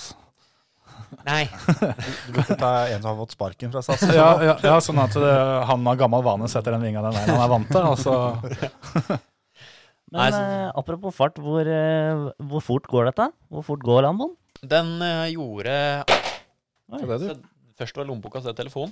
Da fikk vi lommeboka inn og telefonen ut. ordentlig spedalsk eh, her nå. Jo, Drøsser eh, det tinga meg. den gjør jo Den gjorde i Barcelona, så gjorde den 290. Ja. Ehm, og det, er altså, det er jo ikke maksa turtall, men jeg tror nok ikke han gjør noe mer enn 3.23-30, tenker jeg. Ikke mer. Det er ganske laber Men Såpass må det være når du først tar på seg hjelmen, syns jeg. Ja da. Og det var jo mm, det, første, det, er det jeg tenker på når jeg, først, etter første 24-timersløpet på Barcelona, Mm. som jeg kjørte. Um, første jeg kjørte etterpå med Mercedesen, var på Barcelona. Og når jeg da trykka pitlimeteren ut piten, så var det sånn Her er det noe feil. Det må stå en eller annen safety mode eller et eller annet. Det her går jo ikke. Det, det, det skyver jo ikke i det hele tatt. Her mangler vi power. Jeg mangler 300 hestekrefter. Ja, det føltes sånn. Det, det, var, eh, det var helt ekstremt. Men men åssen er det å kjøre 24-timersløp da, i en sånn bil som den der? Så en bil som du må da pushe livet i hver sving. Ja, det er slitsomt, i tillegg til at det, er jo ikke, det kommer jo ikke et fnugg av frisk luft inn i den bilen. Eh, så du sitter jo og kjører i eh, Du har den lufta du har. du, har den, du har den lufta du har i de to timene du kjører. Eh, og det er jo 70 grader i bilen. Og så skal du pushe, som du sier, livet ut av deg og bilen og det som er, i, i to timer. Em, det er slitsomt. Og du har en halvliter vann. Det er, det er slitsomt, og det er, for meg så er det alltid det første stintet som tar, tar knekken. Jeg får så migrene alltid, hver gang. Første stint jeg kjører. Men eh, resterende stintet er det ikke noe problem. Da kunne jeg kjørt eh, fire timer. For det mens du kjører, eller når du er ferdig. mens eh, sånn type halvannen time inn i stintet, Nydelig. så smelter det. Deilig. Åssen er det? Må du- må du pisse mye, eller? Nei, altså det Rekker du ikke å tenker, du tenke. tenker ikke på det. Det er, som, altså, det er som hver gang jeg skal ut og kjøre bil, så må jeg så drite jeg. Før, før, det, før det lyset går. Det hørtes jævla kjent ut. det. Ja, du er ikke, du er ikke aleine om det. altså det, det er helt ille før jeg får starta, og jeg er så nervøs, jeg, jeg føler jeg må kaste opp, før jeg får starta bilen. Ja. Når den bilen står og går på tomgang, da er det greit. Ja. Men før det, så er det, det, er, det er jævlig. Har du alltid hatt det sånn? Hver gang husker jeg Philip sto i Italia på mm, i Juni 60, skulle kjøre et eller annet løp. Jeg tror det var Ja, jeg husker ikke. Eh, Et eller annet løp. em, hvor jeg da, ja, sikkert et minutt før start, sier til Philip 'Nå må jeg ut'. Hopper ut av karten, river av meg hjelmen og spyr rett Og da sto vi og lina opp mot hverandre på banen. Spyr på banen. ja, selvfølgelig. Ehm, med livesending. Hvor alle sammen sitter i karten og tenker 'nå skal jeg vinne'. Står jeg på sida og kaster opp og har gitt hjelmen til Philip. Setter meg inn i karten, alle reiser av gårde, og den starter ikke. Ja, den er fin. Å, det er så deilig. Men eh, etter gokarten, så før du kom til Lamboen, så var du innom litt forskjellige ting. Du gikk jo fra gokart til Formel Basic. Åssen var det? Det var gøy. Det var det, ja? Nei, det var, det var Altså, det er et liv som Eller det er et- en, ehm, et år som fikk meg dit jeg er i år. For jeg fikk på den sesongen, som var helt grusom, en eh, personlig investor som syntes så synd på meg i den sesongen. Så han har hjulpet meg videre helt fram til nå. Men eh, nei, det var dårlig sesong. Motorer raste jeg to ganger i løpet av helga. Eh, bilen sto i flammer. Eh, vi reiste til England, kjøpte en ny motor. Ehm, den skulle være helt strøken. De hadde glemt å bore høl i et eller annet i oljepumpa. Så den bygde bare trykk, helt til en eller annen slange røyk i pitten hvor vi ikke hadde på noen deksler. Jeg satt i shorts og T-skjorte. Det bare hagler ned regn her. Og, vinduet- jeg vinduet bare- står Bare steng en dør. Og jeg ehm, Jeg Prøver å lokke får alle all vinduene den der, da. olja over meg, som er relativt varm. Ja. 1060 Racing er ikke den kuleste olja å ha over hele kroppen. Eh, Så det var en dårlig sesong. Vi fullførte to i NM, men generelt så var det en veldig dårlig sesong. Og der har vi også da mm, eh, fått fra broren din. Eh, han skriver at det siste helga så funka det, ble søl i NM. Da kan du høre med Markus hva han gjorde med den motoren. Jo, da var jeg lei. Det var jeg godt lei òg, for da hadde jeg rast. Jeg hadde sikkert rast en gang tidligere i hel- eh, helgen òg. Så da ned angsten siste runde etter å ha fått målflagget. Visste at jeg var to i NM. Fra sikkert femtegir rett ned i treet. Sånn! Og så sakte, sånn at du fikk rast motoren, ikke bare kassa. Sånn at når det endelig var en stakkars motor som holdt, så skulle den faen meg få den her. Da skulle da skulle faen meg dø. Nei, og altså, ikke kjøre det der noe mer, i hvert fall. nei. Er det her noe Rune veit om, eller er det Ja, her noe det som her er- Rune får vite om nå? nei, det her er noe jeg veit om. Ja. Det var noe jeg sa òg. Sånn. Ellers så tror jeg ikke jeg hadde turt å reise hjem. Nei. Nei, det er noe jeg fikk vite om. Den bilen ble solgt med rast motor. Veit han som kjøpte Ja, men det er mye mulig. Jeg sa at det var en dårlig bil. Det er jo kjempe, kjempetriks, det. Ja, nei, jeg, jeg var så irritert. Det hadde vært en så dårlig sesong med så mye nedturer. Det er Når du, du kommer til løp og du tenker at fy fader, nå har vi henta motor fra England, alt skal være greit, og så har jeg kjørt i Sverige i tillegg, det er ikke bare til Rudskogen, Mm. så funker det ikke, ikke sant? Og jeg får beskjed på føremøtet i Sverige, for det hadde, det hadde lekket så mye olje, at nå får- Jeg fikk ikke lov til å starte, for de hadde ikke mer saneringssand på banen. Ja. Så han sa du får ikke lov til å kjøre, kjøre du. Så sa jeg "Ja, men nå har jeg, nå har jeg leid en annen bil. For jeg hadde satt over, satt over de kåpene mine. Så det så ut som det var min bil, men de sa du, får, du kan ikke kjøre ut med den bilen. Vi har ikke mer saneringssand. Men eh, sånn som jeg skjønner det, så blir det, det ble bare ett år i Formel Basic. Det blei bare ett år. Hva skjedde etter det, da? Da tok vi steget over til DS3 Cup i Danmark. Mm. Citroën DS3 Cup. Og det er jo kanskje det smarteste valget vi har gjort egentlig hittil. Mm. Er det å For der var alle bilene er jo like. Det er jo enhetscup. Det ser litt gøy ut. Jeg mener å huske at jeg så noen løp. Det var sikkert når du kjørte, som, eh, som jeg, som jeg kikka litt på det. Det er mye tett fighting og mye, mye kul racing på det, på det greiene der. Det er det, og du lærer altså Når alle bilene går likt, så lærer du ekstremt mye. Og så er det jo i tillegg, da, så har du jo du har litt platekontakt, og det er på en måte ikke Altså, det er jo dyrt, men det er jo ikke så dyrt at du ikke kan ta noen sjanser, på en måte. Du, du går for de lukene, litt sånn som det er i kart. Du går for den på innsida og hvis du ser det kan gå. Mm. Og man lærer, altså jeg lærte ekstremt mye de, de to årene jeg hadde. Um, som jeg kjørte i DS3 Cup. Og jeg hadde igjen da, så hadde jeg ikke vært der jeg er i dag uten den, eh, de to årene der. Åssen gikk det? Jo, det gikk egentlig bra. Blei, første året så ble, tror jeg ble fire i den danske cupen. Og vant norske cupen og rookie-cupen. Og så blei jeg vel to andre året i danske cupen. Vant norsk og vant U21. Godkjent. Det, det er innafor, det. Det er bra. Det er jo- var jo rimelig svære felt òg, og så blei det jo direktesendt på TV 2. Ja, det gjorde det. Så det var jo bra mediedekning, eh, det greiene der. Det var det. Det var veldig bra. Og det er jo, altså, per dags dato så spør jo folk meg sånn hva, Altså etter kart, da. Hva ville du gjort etter kart for en gutt på 14-15 år?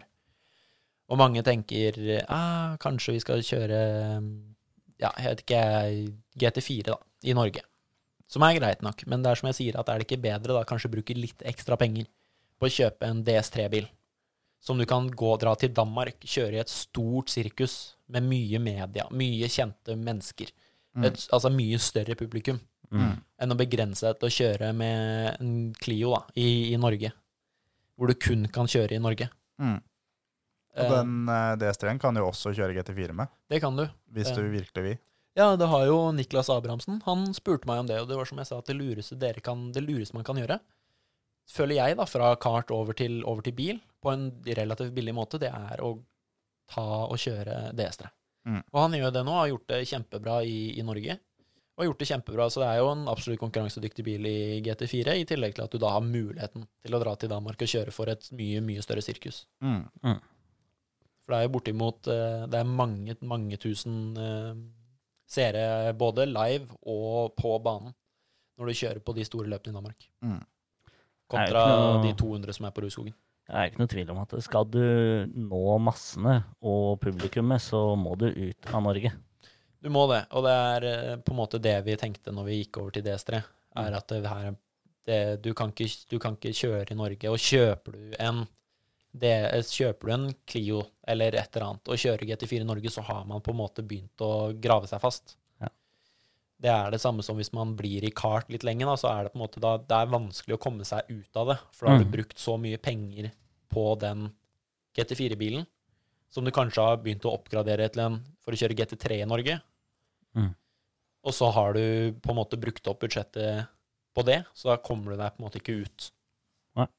Istedenfor å bruke, kanskje legge i litt ekstra for å kjøpe den Citroengen, og også ha muligheten til å kjøre ute for en billig penge. Og hvor, du, hvor det har mer folk som ser deg, mer store team som ser deg. Ja, absolutt. Det er ikke, er ikke en dum tanke, det. altså. Så kan du trekke fra det du sparer på taxfree-en. Absolutt. Ja visst. Det er- Jeg sparer mye, altså. Ja, ja. På kvota, ja. Nei, Må ta med alt. Ja, ja, ja. Og så må ha med mye folk. Ja, ja, ja. Herregud, du må ja. jeg skal reise aleine, er du gæren? Oi, jøss, ja. Det blir jo et mye fetere julebord for dem som kjører ute, for dem har jo taxfree. Ja, ja. Ja, altså. Men eh, apropos Niklas Abrahamsen, han er jo en av årets deltakere i Bilsportstalentet. Ja. Han og Petter Serves Vaskås, eh, Marius Solberg Hansen og Ola junior Nore. Og så skulle vel Andrine Raffas vært med. Ja, Hun måtte trekke seg. hun knakk tommelen, så hun røyk. Men du har jo også vært med på Bilsportstalentet tidligere. Ja, det er Eh. to år. Ja. To ganger. To ganger. Eh, Da er det hva, talent, da. hva, Ikke når du ikke vinner. hva, hva er Bilsportstalentet? Og hva er det de, de har vært igjennom, eh, de som har vært med nå i år? Nei, altså det har jo vært gjennom eh, både litt sånn kjøretrening med Porsche. Nå har det blitt Porsche. Um, Cayman GT4 Spec, tror jeg. Um, og kjøring av kart. Eh, og mulig, jeg vet ikke om de har kjørt noe på grus i år. Kjørte bilcross. De gjorde det. Ja, for jeg kjørte jo den speedcar på, på grus. Og så det er litt sånn du får kjøre på alle typer underlag. Du får kjøre på asfalt, du får kjøre kart, og så får du kjørt på grus. Mm. Um, I tillegg til det så er det en jævlig hard fysisk, eh, fysisk test. Jeg syns i hvert fall det, og jeg er ikke kjempegodt trent. um, en, en hard fysisk ehm, test um, som, eh, som tar Du må gi det du har. Ehm, og så er det en presentasjon du må holde foran, eh, foran dommerne, da, som eh, forteller litt om hva du har gjort, eh, men forteller kanskje mer om hva du har planer om å gjøre. Ehm, hvordan planene dine ser ut videre fremover, og om det er realistisk. Det Hvem er holder det- ikke å si det at eh, jeg skal bli verdensmester i Formel 1. Nei, det Hauger hadde egentlig planer om å Eller skulle egentlig vært med, men han er på Mhm. test. Han kunne jo kanskje sagt at han skulle blitt det, for det kan jo være mer realistisk for, for mange det enn for mye annet, på en Mhm. måte. Hvem er det som vant de åra du var med? Det var eh, Mats Siljehaug. Han har gjort det veldig bra nå. Han eh, har jo fabrikkskontrakt med Writer Engineering og kjører gratis bort til statene. Nå, nå ble han jo stuck der i et helt år. Mhm. Men eh, også har du Theodor Olsen. Hva følte du de var bedre på enn deg når eh, dere var der de to åra? Eh, Mats var eh, Han var sterk fysisk. Han var rask i bilen. eh, og han hadde en, en, en bra plan. Og han er en veldig, veldig bra mann. Og han fortjente virkelig å vinne.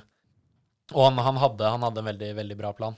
Eh, og han var med i det Writer Junior-systemet som gjorde at han fikk den gratissesongen i, i GT3 i tillegg. Theodor Olsen Han var sterkere enn meg fysisk. Og der stoppa det, eller? Og tidene, tidene på kjøringa vet jeg ikke, eh, men eh, jeg vet ikke. Kan ha at han hadde en bedre, bedre plan i utgangspunktet enn hva jeg hadde eh, for årene fremover. Mm. Men eh, det har han jo dessverre ikke fått fullført. Nei. Eh, han fikk jo kjørt to løp, ut ifra hva jeg mener å tro, etter han vant Bilsportstalentet. Så det, altså, det var litt uheldig for min del, eh, akkurat den, den, da. For det- du har ikke mulighet til å være med igjen. Det er to år. I år er det faktisk tre. Det året her er ikke tellende. Nei. Eh, på samme måte. Eh, med tanke på hvordan ting har blitt i år. Så de som har vært med i år, har også mulighet til å bli med to ganger til. Ja. Men vanligvis så er det maks to ganger. Ja. Fram til du fyller 21, tror jeg. Med mindre du vinner, da. Da får du ikke lov å være med Nei, gangen etter. da er du ferdig. Da har du vært. Det er jo talent nok. Ja. Så det er jo ikke jeg. Åssen eh, Ja, det, er, det, er, det er jo lett å være etterpåklok, men eh, Ja da. du ser jo hvordan det heldigvis uh, utspilte seg for deg, så har det jo Ja, det løst var- seg veldig bra. Det var det jeg sa til, sa til både mamma og pappa og alle sammen, som på en måte støtter meg, at, eh, som vi sa sammen nå, vi skal vise dem at vi trenger ikke å vinne Bilsportstalentet for å kunne få det til. er, Og det, det, det ga enda mer boost på at vi skulle få det til. Mm. At vi, at vi ikke vant der. Og heldigvis har vi fått det til. Ja. Og, og det er for de som spør, så er det jo hvordan, hvordan gjør du det, på en måte? Så sier jeg at, eh, og hvordan får du det til? Så sier jeg at hvis jeg går på ræva nå, så går jeg virkelig på ræva. Det, er- altså, det er ikke noe etter, Nei. etter det her hvis det, det Jeg går ikke tilbake til å kjøre, satse fullt på GT4 i Norge. Det er dette som gjelder. Det er, det, altså det, er, det er nå eller aldri, på en måte. Det er, jeg går all in nå og sikter høyt, men faller lavt hvis jeg faller. Eller faller langt hvis jeg faller. Hva, hva er målet? Hva er det du sikter mot? Hva er det som er toppen du mener at du kan nå? Det jeg sikter mot personlig, er egentlig bunner og i det hele at jeg skal kunne kjøre gratis, eller få betalt for å kjøre, Ja. er målet. Om jeg kjører Lamborghini Supertrofé, eller om jeg kjører GT3, eller om jeg kjører GTE, eller Le Mans, for den saks skyld. Så selvfølgelig, det er kult å kjøre i høyere klasse, men hovedmålet er å kjøre, å få betalt for å kjøre. Mm. Og det er som jeg har sagt til pappa, om jeg får, bes- om jeg får spørsmål om å kjøre Fiesta Cup i England, og kan få betalt for å kjøre der borte, så sier jeg gjerne ja til det, altså. Mm. For det er, eh, det er som jeg sier, at den, de åra i Citroën òg er så morsomme. Altså, det, det, er så, det, er så, det er morsomt på en helt annen måte enn det å kjøre den Lamborghinien. For det er så mye mer som ligger bak det. Det er så mange timer, det er Og så er det jo Du kjører jo en bil til eh, tre-fire millioner kroner. Og når du har eh, så vidt budsjettet å komme deg gjennom et år uten skader, så er det dessverre noe man sitter og tenker på, selv om jeg kanskje ikke vil Eller jeg skal jo ikke gjøre det, men man gjør det uansett. Eh, Så det er på en måte Man må tenke litt på det, og heldigvis har ikke det påvirka meg noe i år. Og vi har ikke hatt noe Ja, vi har hatt en liten skade, men det er ikke noe stort. eh, Kontra førsteåret mitt i GT4, som var eh, kritisk. Ja, og hva ble det dyrt? Ja, det var en Mercedes mindre det året. Kom en ekstra Mercedes på hoggeren, da, for å si det sånn. Ja. Dæven. Det, den eh, Jeg blei Jeg kjørte på Kjørte på unga, ungarering. Mm. Ut på langsida ligger en BMW ja, egentlig bak meg. De har mye power ut av, ut av svingene, så han drar opp på sida av meg. Jeg legger meg ut. Han toucher meg bak, spinner inn i murveggen. Og akkurat der safety-bilen skal Altså, hvor, de, hvor veggen åpner seg, hadde de glemt å sette inn den stanga som låser veggen. Så veggene åpna seg. Jeg får den svære betongkanten inn i bilen og river i stykker chassis på fire eller fem forskjellige steder. Fikk rydda opp litt ordentlig, da. Fikk dratt på litt ordentlig. Jeg fikk i hvert fall minna dem på å låse den eh, Den porten igjen. porten. ja. Og så, ja, det var, det var mye skader. Det var hvert eneste løp. Vi hadde ett bra løp. Ett løp på bilen. Første, første løpet, første finalen, kjempebra. Vi fullførte nummer fem over alle forventninger jeg hadde. Andre finalen eksploderer vi bremseskiva. Så jeg er rett i sanda inn i veggen. Det var ikke meg, heldigvis. Nei. Andre løpet på Brands Hatch. Første finalen er det en som breakchecker meg i starten, kjører rett i ræva på han. Så der, der spruter det karbonfrontsfanger. Andre finalen gikk det, blei vi tre. Ja. Og sånn gikk det hele året. Åssen er det å dele bil med noen? Det er jo For, for du veit på en måte hvor god du er, og du veit dine egne mål og alt sammen. Eh, og du kan jo ikke velge hvem du skal dele bil med, på en måte. Det er, eh, for alt du veit, så kan det være en, både en som er helt umulig å samarbeide med, men også en som ikke kjører så fryktelig, fryktelig bra. Åssen er det? Nei, altså, jeg, første sesongen så hadde jeg jo Han kjørte jo egentlig han, Vi var på lik linje, da, i hvert fall. Ehm, men han snakka ikke engelsk. Han snakka kun spansk. Og teamet er tysk. Det er kjempekombo. Så um, det første møtet vi skulle ha, så gikk jo mesteparten av møtet over Google Translate. eh, og deilig. når vi går på trackwalk, og vi bruker ja, halvtime 45 minutter i én sving for å forklare sporet, så blir det, blir det vanskelig. Vi eh, gjorde jo en grei sesong, men det blei det blei veldig vanskelig å samarbeide. Du får på en måte ikke det samarbeidet med teammaten din. Det er noen som gjorde litt dårlig research eh, før de satte sammen dette teamet her, eller? Ja, det, nei, det funka litt, det funka litt dårlig. Det er jo- det er jo lov når du bruker så mye penger, og så ta med en tolk òg, da. Ja, ja visst. Ja, et Dem- eller annet i hvert fall. Han hadde med seg en kjørecoach, men han snakka ikke- han snakka mindre engelsk. Ok. Ja. Han, han kunne ikke spansk engang. Nei, men han, det, det, han, det han kunne på um, Hvis vi satt i pitten første gangen han kom inn, så sa han You, you need to change the bump. Eh, The bump. Og da mente han bump på, på demperne. Og så sa han eh, I look, I look track. I look track. Change the bump. Den i orden. Oi, oi. Altså, når du, når du snakker mindre engelsk enn ingenting, da, da er det Da er, vanskelig. det- Altså. da er det dårlig. Det Ja, det var- lille du det ble- sier, blir misforstått. Det blei litt bedre til siste løp. Change the bump. Det er en fin å ha på de T-skjortene vi skal lage, gutter. Change the bomb. I see track, change Så, bump. så, satt den, så satt den sånn, hvis bilen var løs. Fantastisk. Nei, så um, Og i år så har jeg fått en, en bra sjåfør. Eh, eller fikk til, til nå. Eh, for han, var, han var rask. Han var raskere enn meg. Noe som jeg setter veldig stor pris på, fordi jeg har alltid De to forrige, forrige årene så har jeg vært den med mest erfaring. Eh, og vi har vært, jeg har vært raskest på bilen, på en måte. Ehm, så i år hvor han var raskere, syns jeg det var egentlig helt herlig. For da har jeg noe å ta etter, da har jeg noe å strekke meg til. Da har vi data som jeg kan lære av. Um, Istedenfor at jeg skal gå rundt og fortelle han om hva som er feil, på Mm. en måte, og hva han må gjøre bedre, så kan han hjelpe meg med å bli bedre. Og det er noe jeg, ser- det er noe jeg syns er veldig, veldig fint. Um, og han var, vi var veldig enige om at vi vinner ikke det løpet her. Altså, jeg vinner ikke det løpet her hvis du gjør det ræva. Mm. Og det var, han, var, han var enig i det, han òg, på en måte, så vi hadde veldig, veldig samme Ja, samme mening om hvordan det skulle fungere, da. Men det funka jo ikke sånn kjempebra, det heller. Eh, siste løpet nå skulle jeg ut i, ut i finalen. Leite jeg etter hjelmen jeg har lånt, eller hansken jeg har lånt. Viser det seg at teammaten min han, han- han var litt ustrukturert, så han var alltid for sein.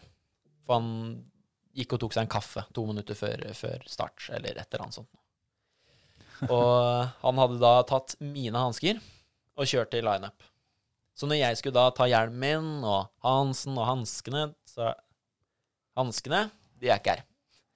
Så jeg beinflyr til Pitt for å se at ok, det er du som har hanskene mine, skriker litt til han og spør hvorfor. Og så ber han meg løpe tilbake til teltet, hente hanskene hans, og så løpe tilbake ut på griden igjen for å bytte hansker. Så vi har hatt litt sånne, litt sånne problemer, og jeg, siste løpet så sa jeg egentlig fra til ham, for han er jo også veldig flink til å fortelle meg akkurat hva jeg gjorde feil, og hva jeg må gjøre bedre. Mm. Og på en måte la veldig mye skyld på meg. Sånn siste løpet så blei dekka veldig fort slutt. Da sa han at eh, å, du må ta bedre vare på dekka, du må gjøre det og det og det og det.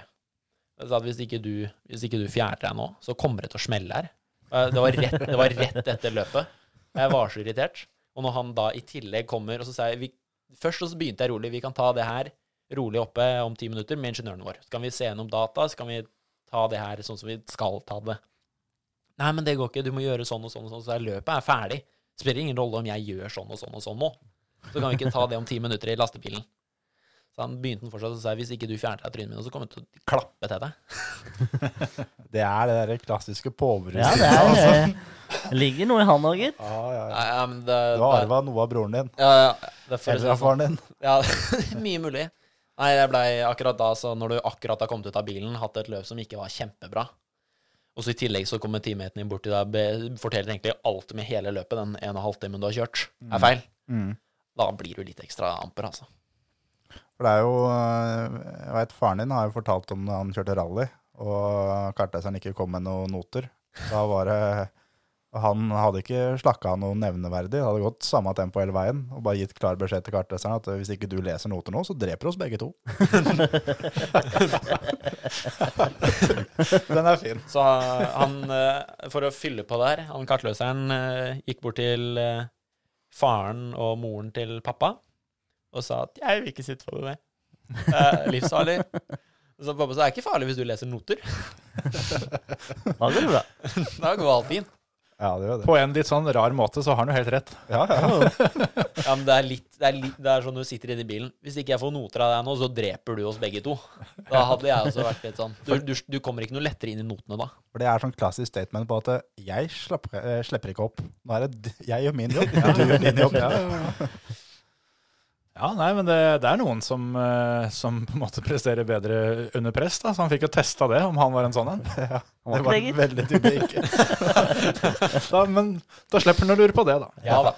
Men apropos eh, dette her, for eh, alle dere har jo vært eh, og, og kjørt internasjonalt, og som vi hørte, i hvert fall, eh, i hvert fall fra deg, Markus, at det kan hende det blir litt temperatur noen ganger, og det tror jeg gjelder disse to andre gutta her når de har vært ute og kjørt òg, for det er jo dere fine å diskutere litt dette som eh, skjedde i, eh, i VM-finalen i gokart i helga. For der òg blei det lite grann glør. Der var det fyr i peisen. Det Altså. var, det var ikke bare glør der. Det var noen som heldte på ganske mye bensin. Der var det, der var det varmt i hjelmen. Det er jo, du har jo kjørt dette, dette løpet sjøl, Emil. Ja. Og Og, du har også fighta med da Luca Corberi, som eh, Yes. er sånn. Du har kjørt mot han i mange, mange, mange mange, mange år. Jeg kan, eh, kan jo bare begynne med å si at han har alltid vært så idiotisk som han så ut Ja, på videoen. Nå, nå er det første gang han har blitt filma, egentlig. Ja. Ja, Nå har bare hele verden fått se hvor dum han er. Altså, så jævlig òg. For, det- for de av dere som ikke har fått med dere det, da, da Det tror jeg er få. Ja. For jeg leste om det i TMC. Ja, nettopp. nettopp, Der kan du se at eh, hvis ikke du har fått med deg dette, så hører du antakeligvis ikke på denne podkasten, så da er det samme faen. Men det er en fyr som drar av. Eh, vi har jo eller jeg har i hvert fall ikke funnet noen videoer av sjølve årsaken. Men det er jo sånn som du sa, Emil, at eh, med tanke på hvor på banen det skjer, så kan det jo ikke være så jævla stygt. Nei, altså, nå leste jeg en, en nyhetsartikkel i, til morgenen i dag, tror jeg det var, eller i går kveld, om eh, uttalelsene til Filip Massa på det her. Og, og da tok de vel utgangspunkt i at de to hadde bare vært i en liten sånn race incident. Mm. For Filip Massa, han var i juryen eller et eller annet sånt nå. Han, han er sjef for FIA karting. Ja. Ja. Det Kartingseksjonen var- er han som er sjefen Det for var det. sånn det var. ja. Men det som jeg tror har skjedd, da, er jo at eh, han eh, Ippolito, som han da har krasja med, altså CRG-sjåføren, Mm. eh, han har gått på innsida da i enden av Langsletta, Mm. og i Garda. Eh, Corberi er en klovn. Han har prøvd å holde på ytteren. sånn- Ja. Ippolito har bestemt seg for at det, det er enten så kjører du ut, eller så gir du det. Det er sånn det funker i utlandet. Ja, det er akkurat det. Og Mm. Altså, da har da Corberi ikke, ikke gitt seg, fordi han er liksom eh, en av storekarene, da, tror jeg. Mm. Og da er jeg kjørt ut. Ja, så var jo han, eh, han der Corberi var jo på en måte litt sånn skada vilt, da. For det, når han dro av, så lå han på 15.-plass. Og da hadde han jo sakte, men sikkert dette fra 9. til 15. Én plassering per runde, cirka. Så alle som kommer bakfra, får jo med seg dette her sånn.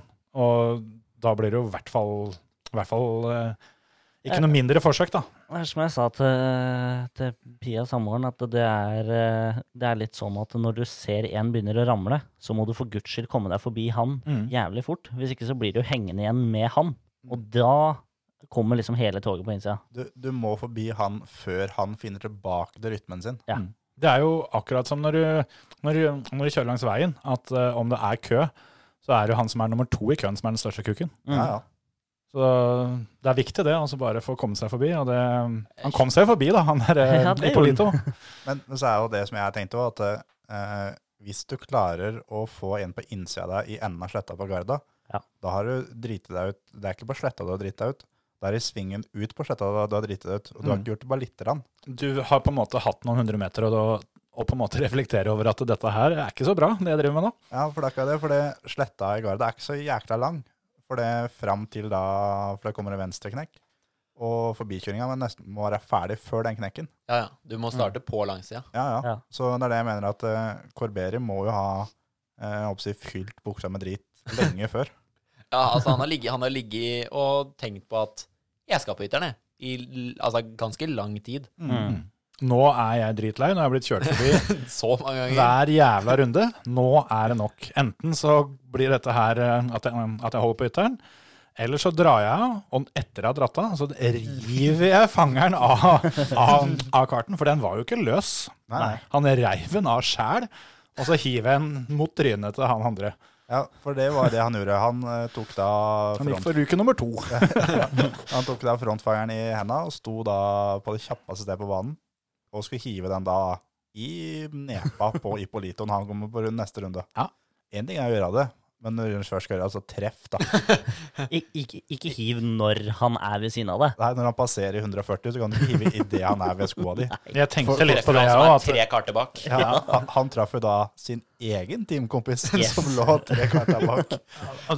Jeg tenkte litt på det, at det er ikke rart du blir forbikjørt på sletta, gutten min, hvis dette her er farts, eh, fartsforståelsen din. Eller reaksjonsevnen hans. Ja, ja det òg.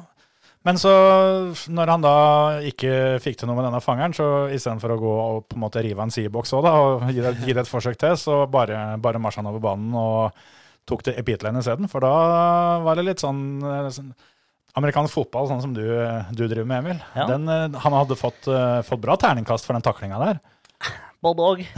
Men eh, Faren hadde fått bedre terningkast. ja, Han, faktisk. han kom med større fart. Ja, ja. Men- Han har skjønt det. Men, men så er det det som er eh, For han grisetakla jo Ippolito i eh, etter mål. Ja. Eh, Det er jo én ting hvis det hadde skjedd i siste runden. Men Corberus står jo da i Parc Fermé i Og venter. 10-11 runder og venter. Ja. Vanlig, vanlige folk blir jo rolige sånn når det har gått litt grann tid. Mhm. For det, akkurat det å hive fangeren, det er som på en måte greit, for det er heat of the moment. Det kan skje, liksom. Du har i hvert fall en eller annen form for, eh, for eh, unnskyldning, da, Ja. kan du si. For da er du så proppfull av for både adrenalin og raseri og alt. Ja, ja. Men når det da si det går 10-12, det går et kvarter, da. Og du står og venter i parfymen med hjelmen på av hele dritten. Endelig kommer han inn, og det er det som han da Men Ippolito var jo ikke først, han var jo litt bak i køen. Så han venta jo til han hadde trilla langt nok fram til at det var bare rett linje, så han kunne grisetakle han rett inn i, Gjerdet. inn i gjerdet. Han der stakkars Ippolitoen sto jo bare og fikla litt med dataloggeren sin, han, og tenkte at eh, ja, ja. Altså jeg, så når du ser på videoen, så tenker du at du, du ser Ippolito se på han. Mm. Så ser du at ok, nå blir det krangling. Mm. Det blir ikke grisetakling inn i gjerdet. Nei, du For det, altså det, det om det hadde vært en høylytt krangel, det er jo Det er, greit nok. det er vanlig. Kjeft er gratis. Det er jo ikke uvanlig Kjeft at gjør slappere ikke tar vondt. litt på hverandre heller. Altså skubbe litt og dytting og sånn, det, det er vi jo ikke Men det Skal jeg si, beste er jo faren ukjent. som kommer etterpå.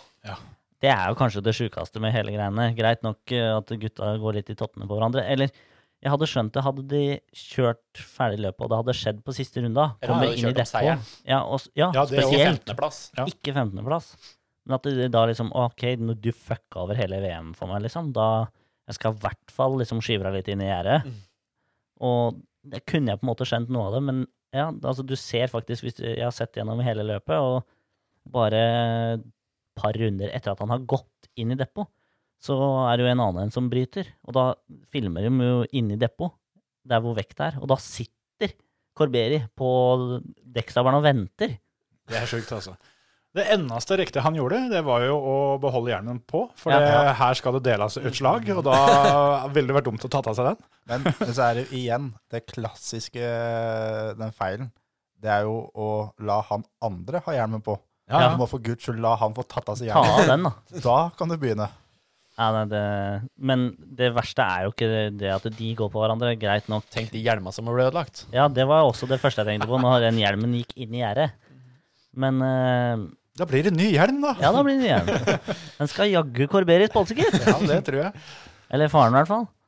Fordi faren kommer jo i enda større fart etterpå. Og for de som ikke har fått med seg den biten, så faren, han, han eier jo den banen. Ja. Det er, var det Lonato de kjørte på? Ja. Et Mhm. eller annet sånt. Det Saltgarda. er jo en ganske kjent bane, og Ippolito er jo italiener. Tror du han får lov å komme og trene etterpå? Eller? Altså Enten så får han kjøre gratis resten av livet, eller Det så gjør er, får han ikke lov å komme i det hele tatt. Eh, Ippolito får nok kjøre. Han har fått årskort på Garda resten av livet. Egen plass i depot. Det er Mm. liksom hjemmebanen til CRG òg, da. Som da han kjører for fabrikken. Ja. Og det er liksom Alle holder til på den banen. Alle, alt av gokart-team og f- fabrikker omtrent, Mm. holder jo til ja, rundt Garda. Det er på en måte den mest eh, kjente gokartbanen som er i hvert fall i Italia. Er det den som jeg var med deg på, Terje? Ja. Ha, nei, til og med jeg Det var er der. til jeg og med syns der jeg vi kjente har en hatt bane. eh, tre norske stående i gjerdet. Eller fire. Ja, ja, ja. ja. Jeg sendte broren din. Jeg gjerdet deg etter 100 meter, så det var mitt på sletta, det òg. Men ehm, Du, du på en måte tråkka opp løypa. Som, som, Og Tor Gunnar. ja. Men ehm, eh, han Corberi har jo da gått ut nå og sagt det at eh, jeg skal aldri noensinne i hele mitt liv kjøre noe motorsport igjen. Ja. Det var jo kanskje tidenes mest uh, bortkasta sak å gjøre, for det, det hadde skjedd uansett. Det er litt, Ja. det er litt som om man blir stoppa i 200 på E18, og så blir, du- kommer du til portemann, og så bare gir hun førerkortet ditt før han tar det fra deg. Ja. For det er jo du mister det uansett. Borte blir det. Men det var jo det alle tenkte. Men grunnen til at han har gått ut og sagt det, er nettopp fordi at han på- gikk opp da Han ble jo kalt opp til dommerne, selvfølgelig, etterpå. Og sa det at her, bare ta lisensen min. Jeg har Og da- ikke bruk for den lell. Og da sa de det, det har vi ikke mulighet til. Det, det har vi ikke myndighet til å gjøre. Sånn at eh, det er ikke de som bestemmer. Og mest sannsynlig så hadde det her vært en jævlig lang prosess, og det blir det jo uansett. Det er jo mer dommer som skal deles ut her, og bøter osv. til både foresatte og, og sjåfører. Mm. Men eh, han eh, blei ikke fratatt lisensen, sånn som det er nå. Nei, ha- Han har fortsatt lisens. Han kan Foreløpig kjøre, kan kjøre. kan kjøre gokart i dag han, hvis han vil det. Sånn at Det er- Massa har s- gått ut og sagt at det vil bli store konsekvenser, Mm. men eh, hva det er, det veit vi ikke ennå. Så derfor så gikk hun ut og sa det at eh, jeg vil aldri kjøre mer igjen. Mm. Det er klart når sånn som Jensen Button og sånt nå legger ut at du og faren din burde aldri Mm. Det er en skam for motorsporten. Ja, Og når du får den eh, den, så- den svir litt, Ja, den det der, gjør altså. det. Det, men det er jo sånn sett, da. Han, eh, han har jobba så hardt han bare har klart i en eh, 15-20 år. Jeg vet ikke, Han er 24 år gammel, så jeg. Ja. Så han begynte sikkert tidlig, i og med at pappa eier en Ja, gokartbane. 15 år har han kjørt. Og da, i 15 år da, så har hovedmålet vært at han, han skal få alle i hele motorsportverdenen til å vite hvem han er. Fikk til det, da. Fikk Det klarte han. I sitt siste løp. Yes. Han gir seg sånn sett på topp. Ja, ja. Eller bånd, eller åssen du skal, Ja, skal si det. altså, er det ikke eh, Publicity is everything, er det ikke det man sier? Jo, ja. All PR er god PR. Ja. Kan hende han kommer tilbake som teamsjef vet du, og har masse erfaring å øse ut av. Ja, Ah, fytti helvete. Det, Men det er jo det på, Som all PR er god PR, så er, stemmer lite grann. Nå vet alle om den banen i Garda. ja. Sånn, eh, for banen sin del så er det her ganske bra PR. Og Hadde det bare vært guttungen. Ja, Helt til du finner ut Ja. at det er faren som tok den verste rugbytaklinga, Ja. som eier banen. Men det som de har da Jeg vet ikke om han eier banen, men han eier iallfall kartshoppen. For det er det som står. At Ja, han- eh, faren eier kartshoppen. Jeg mener det sto Jeg mener jeg leste i artikkelen at det er faktisk han, ø, familien som Ja. eier banen. Ja.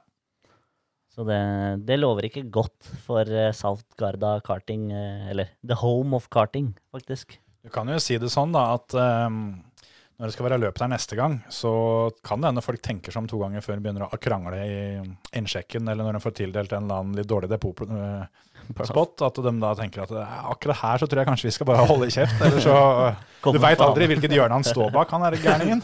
Plutselig så kommer han. Jeg leste faktisk at det er ikke bare de to som kommer til å få eh, tyn for dette. Det er, Det må jo være flere, for det, det er løpsledelse, det er funksjonærer, det er alle som ikke tok tak i det. Ja, for det én ting er jo at eh, det er ikke så mange, mange sekundene, sjøl om det virker veldig lenge, da, mens han står der med den der fangeren. Mm. Men en eller annen flaggevakt burde vel kanskje vært borte hos den. Og i tillegg så får han jo lov å bare spankulere over banen akkurat som han vil. Og Det, er, det er greit nok det at eh, de fleste funksjonærene veit sikkert at han er født og oppvokst her, men dog, det burde vært tatt tak i. Og så er det jo helt Tataki. Tataki fra Japan. Ble nummer fire i løpet. Hadde veldig bra an- andrepass der, faktisk. Nei, men uh, det, det var sikkert, eller det kan jo hende, men jeg vil jo tro at det ikke var pappaen som var uh, kall det anmelder for nå. da, sånn at han har vel uh, noen i sitt personlige team uh, som også burde vært inne og tatt litt tak i den. fordi de har jo fått med seg at uh, nå har han akkurat gått over banen, og da må jo noen finne den. og Ja, I og med at han sitter der inne og venter òg, da. ja, et ja, kvarters ja. tid. Så, så, så hele det teamet som har vært rundt hans eh, kart der, burde jo i hvert fall få et forklaringsproblem her. Da. Det var jo Tony Kart-fabrikken tross alt han kjørte for. Mm. Jeg tror Og- nok at de får en smell, ja. Har det kommet De- noe statement fra de, eller? ja. Nei, har det? Mm. Jeg venta på det. Men jeg Det er har jo ikke- sånn derre Generelle greier. Ja, jeg skulle tro det var Siv Jensen som eh, var presseansvarlig der, liksom. For det var uh, en, Hadde ikke brukt akkurat de orda. en hel jævla stil med ikke et eneste poeng, liksom. Ja, ja, ja. Men skjønner. eh, CRG også har lagt ut, men det de har lagt ut, er at de vil ikke kommentere det her. De vil vente og se hva dommere og alt sammen gjør. Mm. Og Ah, Ja. så skal de si eh, sin side av det. ja, men fra CRGs side så er jo det for så vidt greit, men Tony Kart burde jo, i hvert fall eh, etter min mening, da, burde jo gå ut og fordømme dette her sånn ganske kjapt. Burde legge seg ganske flat. For det, det fins jo ikke noe scenario, uansett hva folk kommer fram til her, sånn, så fins det jo ikke noe scenario hvor dette er greit. Nei, nei, nei. nei. Det, er, eh, ja, det blir spennende å se hva, hva utfallet der blir. For det, jeg tror han Corberi han er fort en sånn type som sier nå at eh, jeg skal ikke kjøre noe mer. Så går det et par år, og så tar han, setter han seg en kart og er med igjen. Så jeg tror han må få lifetime ban. Ja, ja. Det, og hvis ikke du får lifetime-band, da altså, Om ikke dette er nok, så hvor ligger lista hen da? liksom? Må du Mm. drepe folk, da? eller? Mest sannsynlig. Men tenk hvis det gjerdet hadde gitt etter når far Corberi kommer. For, for han, han Ippolito var jo da en halvmeter høy. Han var ikke den svære karen. Han er vel 1,58 eller noe sånt nå. Ja, Han òg er vel bikka 20 år, tror jeg. Så, Han er 23. ja, for det, det har jeg sett. eh, Mm. Han er bare lav. ja, For det er veldig mange som tror at eh, det var en guttunge. Ja. Mot eh, at eh, Corberi da var eh, noen og tjue, og så- og så var det en junior, han andre. Det var det jo ikke, da. Han er bare liten. Men tenk da hvis det gjerdet hadde gitt etter, og de hadde havna ut i depp, og der hvor da resten av publikum sto. Da tror jeg altså far Gorberi hadde virkelig fått det, altså. For det, da, Der sto David, det en gjeng på utsida. David Foré var jo han en av de som gikk inn for å gå imellom dem. Mm. Og Foré han er 43 eller noe. Ja. Han har vært med på pit lane fights før, så det eh, Det er jo ikke uvanlig at italienere si, ytrer sin mening, for å si det sånn. Det er jo, gr- kjeft er virkelig gratis, det er sånn. Ja, det, det forekommer. Men du også har jo vært med på sånn litt sånn smådytting i pit lane. Det er Jo, også, jo. Men det er jo en dytt på skuldra, og så gjør du det her neste gang, så dreper jeg deg, og så går du videre. Det det er gjerne sånn det går. Men du, det er liksom, da er du ferdig med det. Ja. Det er noe annet. Det, jeg ser for meg at faren din hadde kommet løpende inn og tatt hockeytaklinga. Ja, det, det, om, om fe, noen, altså Sjåfør, greit nok, hadde noen liksom gått i tottene på meg, så hadde jeg fått ordna opp i det sjøl. Men hadde faren hans kommet inn, å du dæven, da hadde det kommet en tømmerhoggersving, tror jeg. Men hvem er det han eh, Corberi ligger på bakken og fighter med helt til slutt? For det Ippolito blir jo fjerna ut av fighten, men så fortsetter de ned på bakken der. eh, en Jeg tror det stund er etterpå. mekaniker. Det er av- mekanikeren til eh, Ippolito. Ja, ok, ja. Men Det beste er han Tony Kart-sjåføren som bare står med armene i kryss og ser på. ja, og, så, og så blir han bare dytta over ende. Ja, litt. så blir han bare dytta over ende til han helt til slutt. Og så han der fotografen òg, de, de der bildene han tok. For det, det er jo en, en, en fotograf som står omtrent akkurat, eh, akkurat der gjerdet gjerne treffer, på en måte, som går unna. Altså rekker han å snu seg akkurat idet han kommer lavt inn der. Så han bare setter kameraet opp og bare tar bilder i eh, to minutter der. Så den bildeserien der tror jeg blir litt fet å, å få ut. Det er jo din gamle fotograf, Emil, Eller? fra Racebox. Ja, ja, ja. Som, eh, Oi. han, Alex. Han er alltid der det skjer. Han er litt som Stian Ormestad. Ja, ja, ja. Da er det, Bare- da bare er det ha en- filma i slow motion, for det er det han gjør om dagen. Det hørtes jo enda sjukere ut. Da. ja, det der, der gleder jeg meg til å se. Altså. Hvis, han, hvis han fikk eh, trykt på det der opptaksknappen mens han ligger flatt, eh, flatt bortover lufta der sånn, og bare Nei, det der, der var sjuke greier, men det som egentlig er litt eh, av det sjuke, eh, som jeg egentlig kom på nå, at det, jeg er jo en av dem, for jeg har jo glemt hva han heter, han som vant. Men eh, jeg fikk med meg Jeremy det. Iglesias. Ja, Iglesias eh, hørtes jo veldig spansk ut, for jeg veit han var fransk. Nei, eh, jo, det er han. Sorry. Ja, Unnskyld. For jeg, det jeg fikk med meg, var at det her var den første, første franskmann som, eh, som vant ever. Ja. Så og Det er jo litt sjukt å tenke på, egentlig. Og, så det går, det går veien for Frankrike om dagen. Altså, nå var det jo første Formel 1-seieren siden 96, når Pierre Gasly vant, og nå fikk de endelig en verdensmester i gokart, og- Ja. som ingen husker. Og, ti- og ti, ikke bare det, men det var teamets første VM-seier òg. Sånn at det, og Iglesias har kjørt i mange år, for han kjørte lenge før jeg begynte i toppklassen. Og Såpass. Han var jo gammel når du begynte å kjøre ute. Ja, han var en av liksom de eldre kara. Så det Han, eh, han har jobba mot et mål, han, og det har han oppnådd. Så får vi se om han gir seg nå, da. Ja, han- Hvis han begynner å nærme seg pensjonsalder sånn, eh, sånn på ordentlig, så er det vel kanskje på tide. Ja, det er ikke så ille. Han er, eh, han er bare litt, litt mer erfaren, som de sier. Det skal være litt temperatur, men det der, der ble kanskje litt i overkant, sjøl for, eh, selv for plogens smak. Moro med litt action. Ja. Det er gøy for oss å se på. Jo da. Det er, eh, Det er ikke bra for sporten, men Nei, det er det ikke. Det, altså, det er det jeg syns er synd, mest synd med det hele, Mm. er jo det at nå som det har blitt blåst opp så stort, så ser det veldig dumt ut for sporten. mm, Ja. mm. Eh, Men det er, eh, jeg syns de dro det altfor alt for langt. Men jeg mener at det skal være litt grann temperatur. Du, det, du skal ikke dælje folk i bakken og i veggen og alt sammen, men eh, blir du kjørt av skikkelig, så s- du skal ikke bare sånn Ja, ja, nei, men det, det var greit, liksom. Du skal bort og dele ut kjeft. Mm. Det, det mener jeg på alt det hun driver med, at eh, en legger så mye tid og penger i alt en driver med, at eh, du skal bli forbanna hvis du blir kjørt av banen eller et løp blir ødelagt. Men det her var litt vel, det var jo det. Ja, det var et par, par knepp for mye. Litt mye Møllerstrand. Kanttreff høyre. Du hører på Førermøtet, Norges beste motorsportpodkast. Skal du eh, se noe motorsport til helga, Markus? til helgen så skal jeg vel egentlig kanskje se på det løpet jeg kanskje skulle kjørt sjøl. Ja, det hørtes jo ut som eh, en Dessverre. plan. Mm. Eh, Jeg tenkte på det der, der sånn, at eh, det var ikke noe problem å flytte til Italia og begynne på italiensk skole, men 14 års karantene, det var ikke greit. nei, men det var når man var litt Eller det var ikke flyttet til Italia. Det var, Bare på papiret. det var bare på papir. Ja. Eh, Det er ikke så lett med karantene. Det er Litt vanskelig, i hvert fall når man skal følge de reglene som er. da. Altså Fire ukers karantene for ett løp, det blir litt voldsomt. Ja, ja. Og så er det litt vanskelig å ha hjemmekontor som bilmekaniker. Ja, Ja, s- sette løftebukken altså Så bor jeg m- i leilighet midt på torget i Drammen.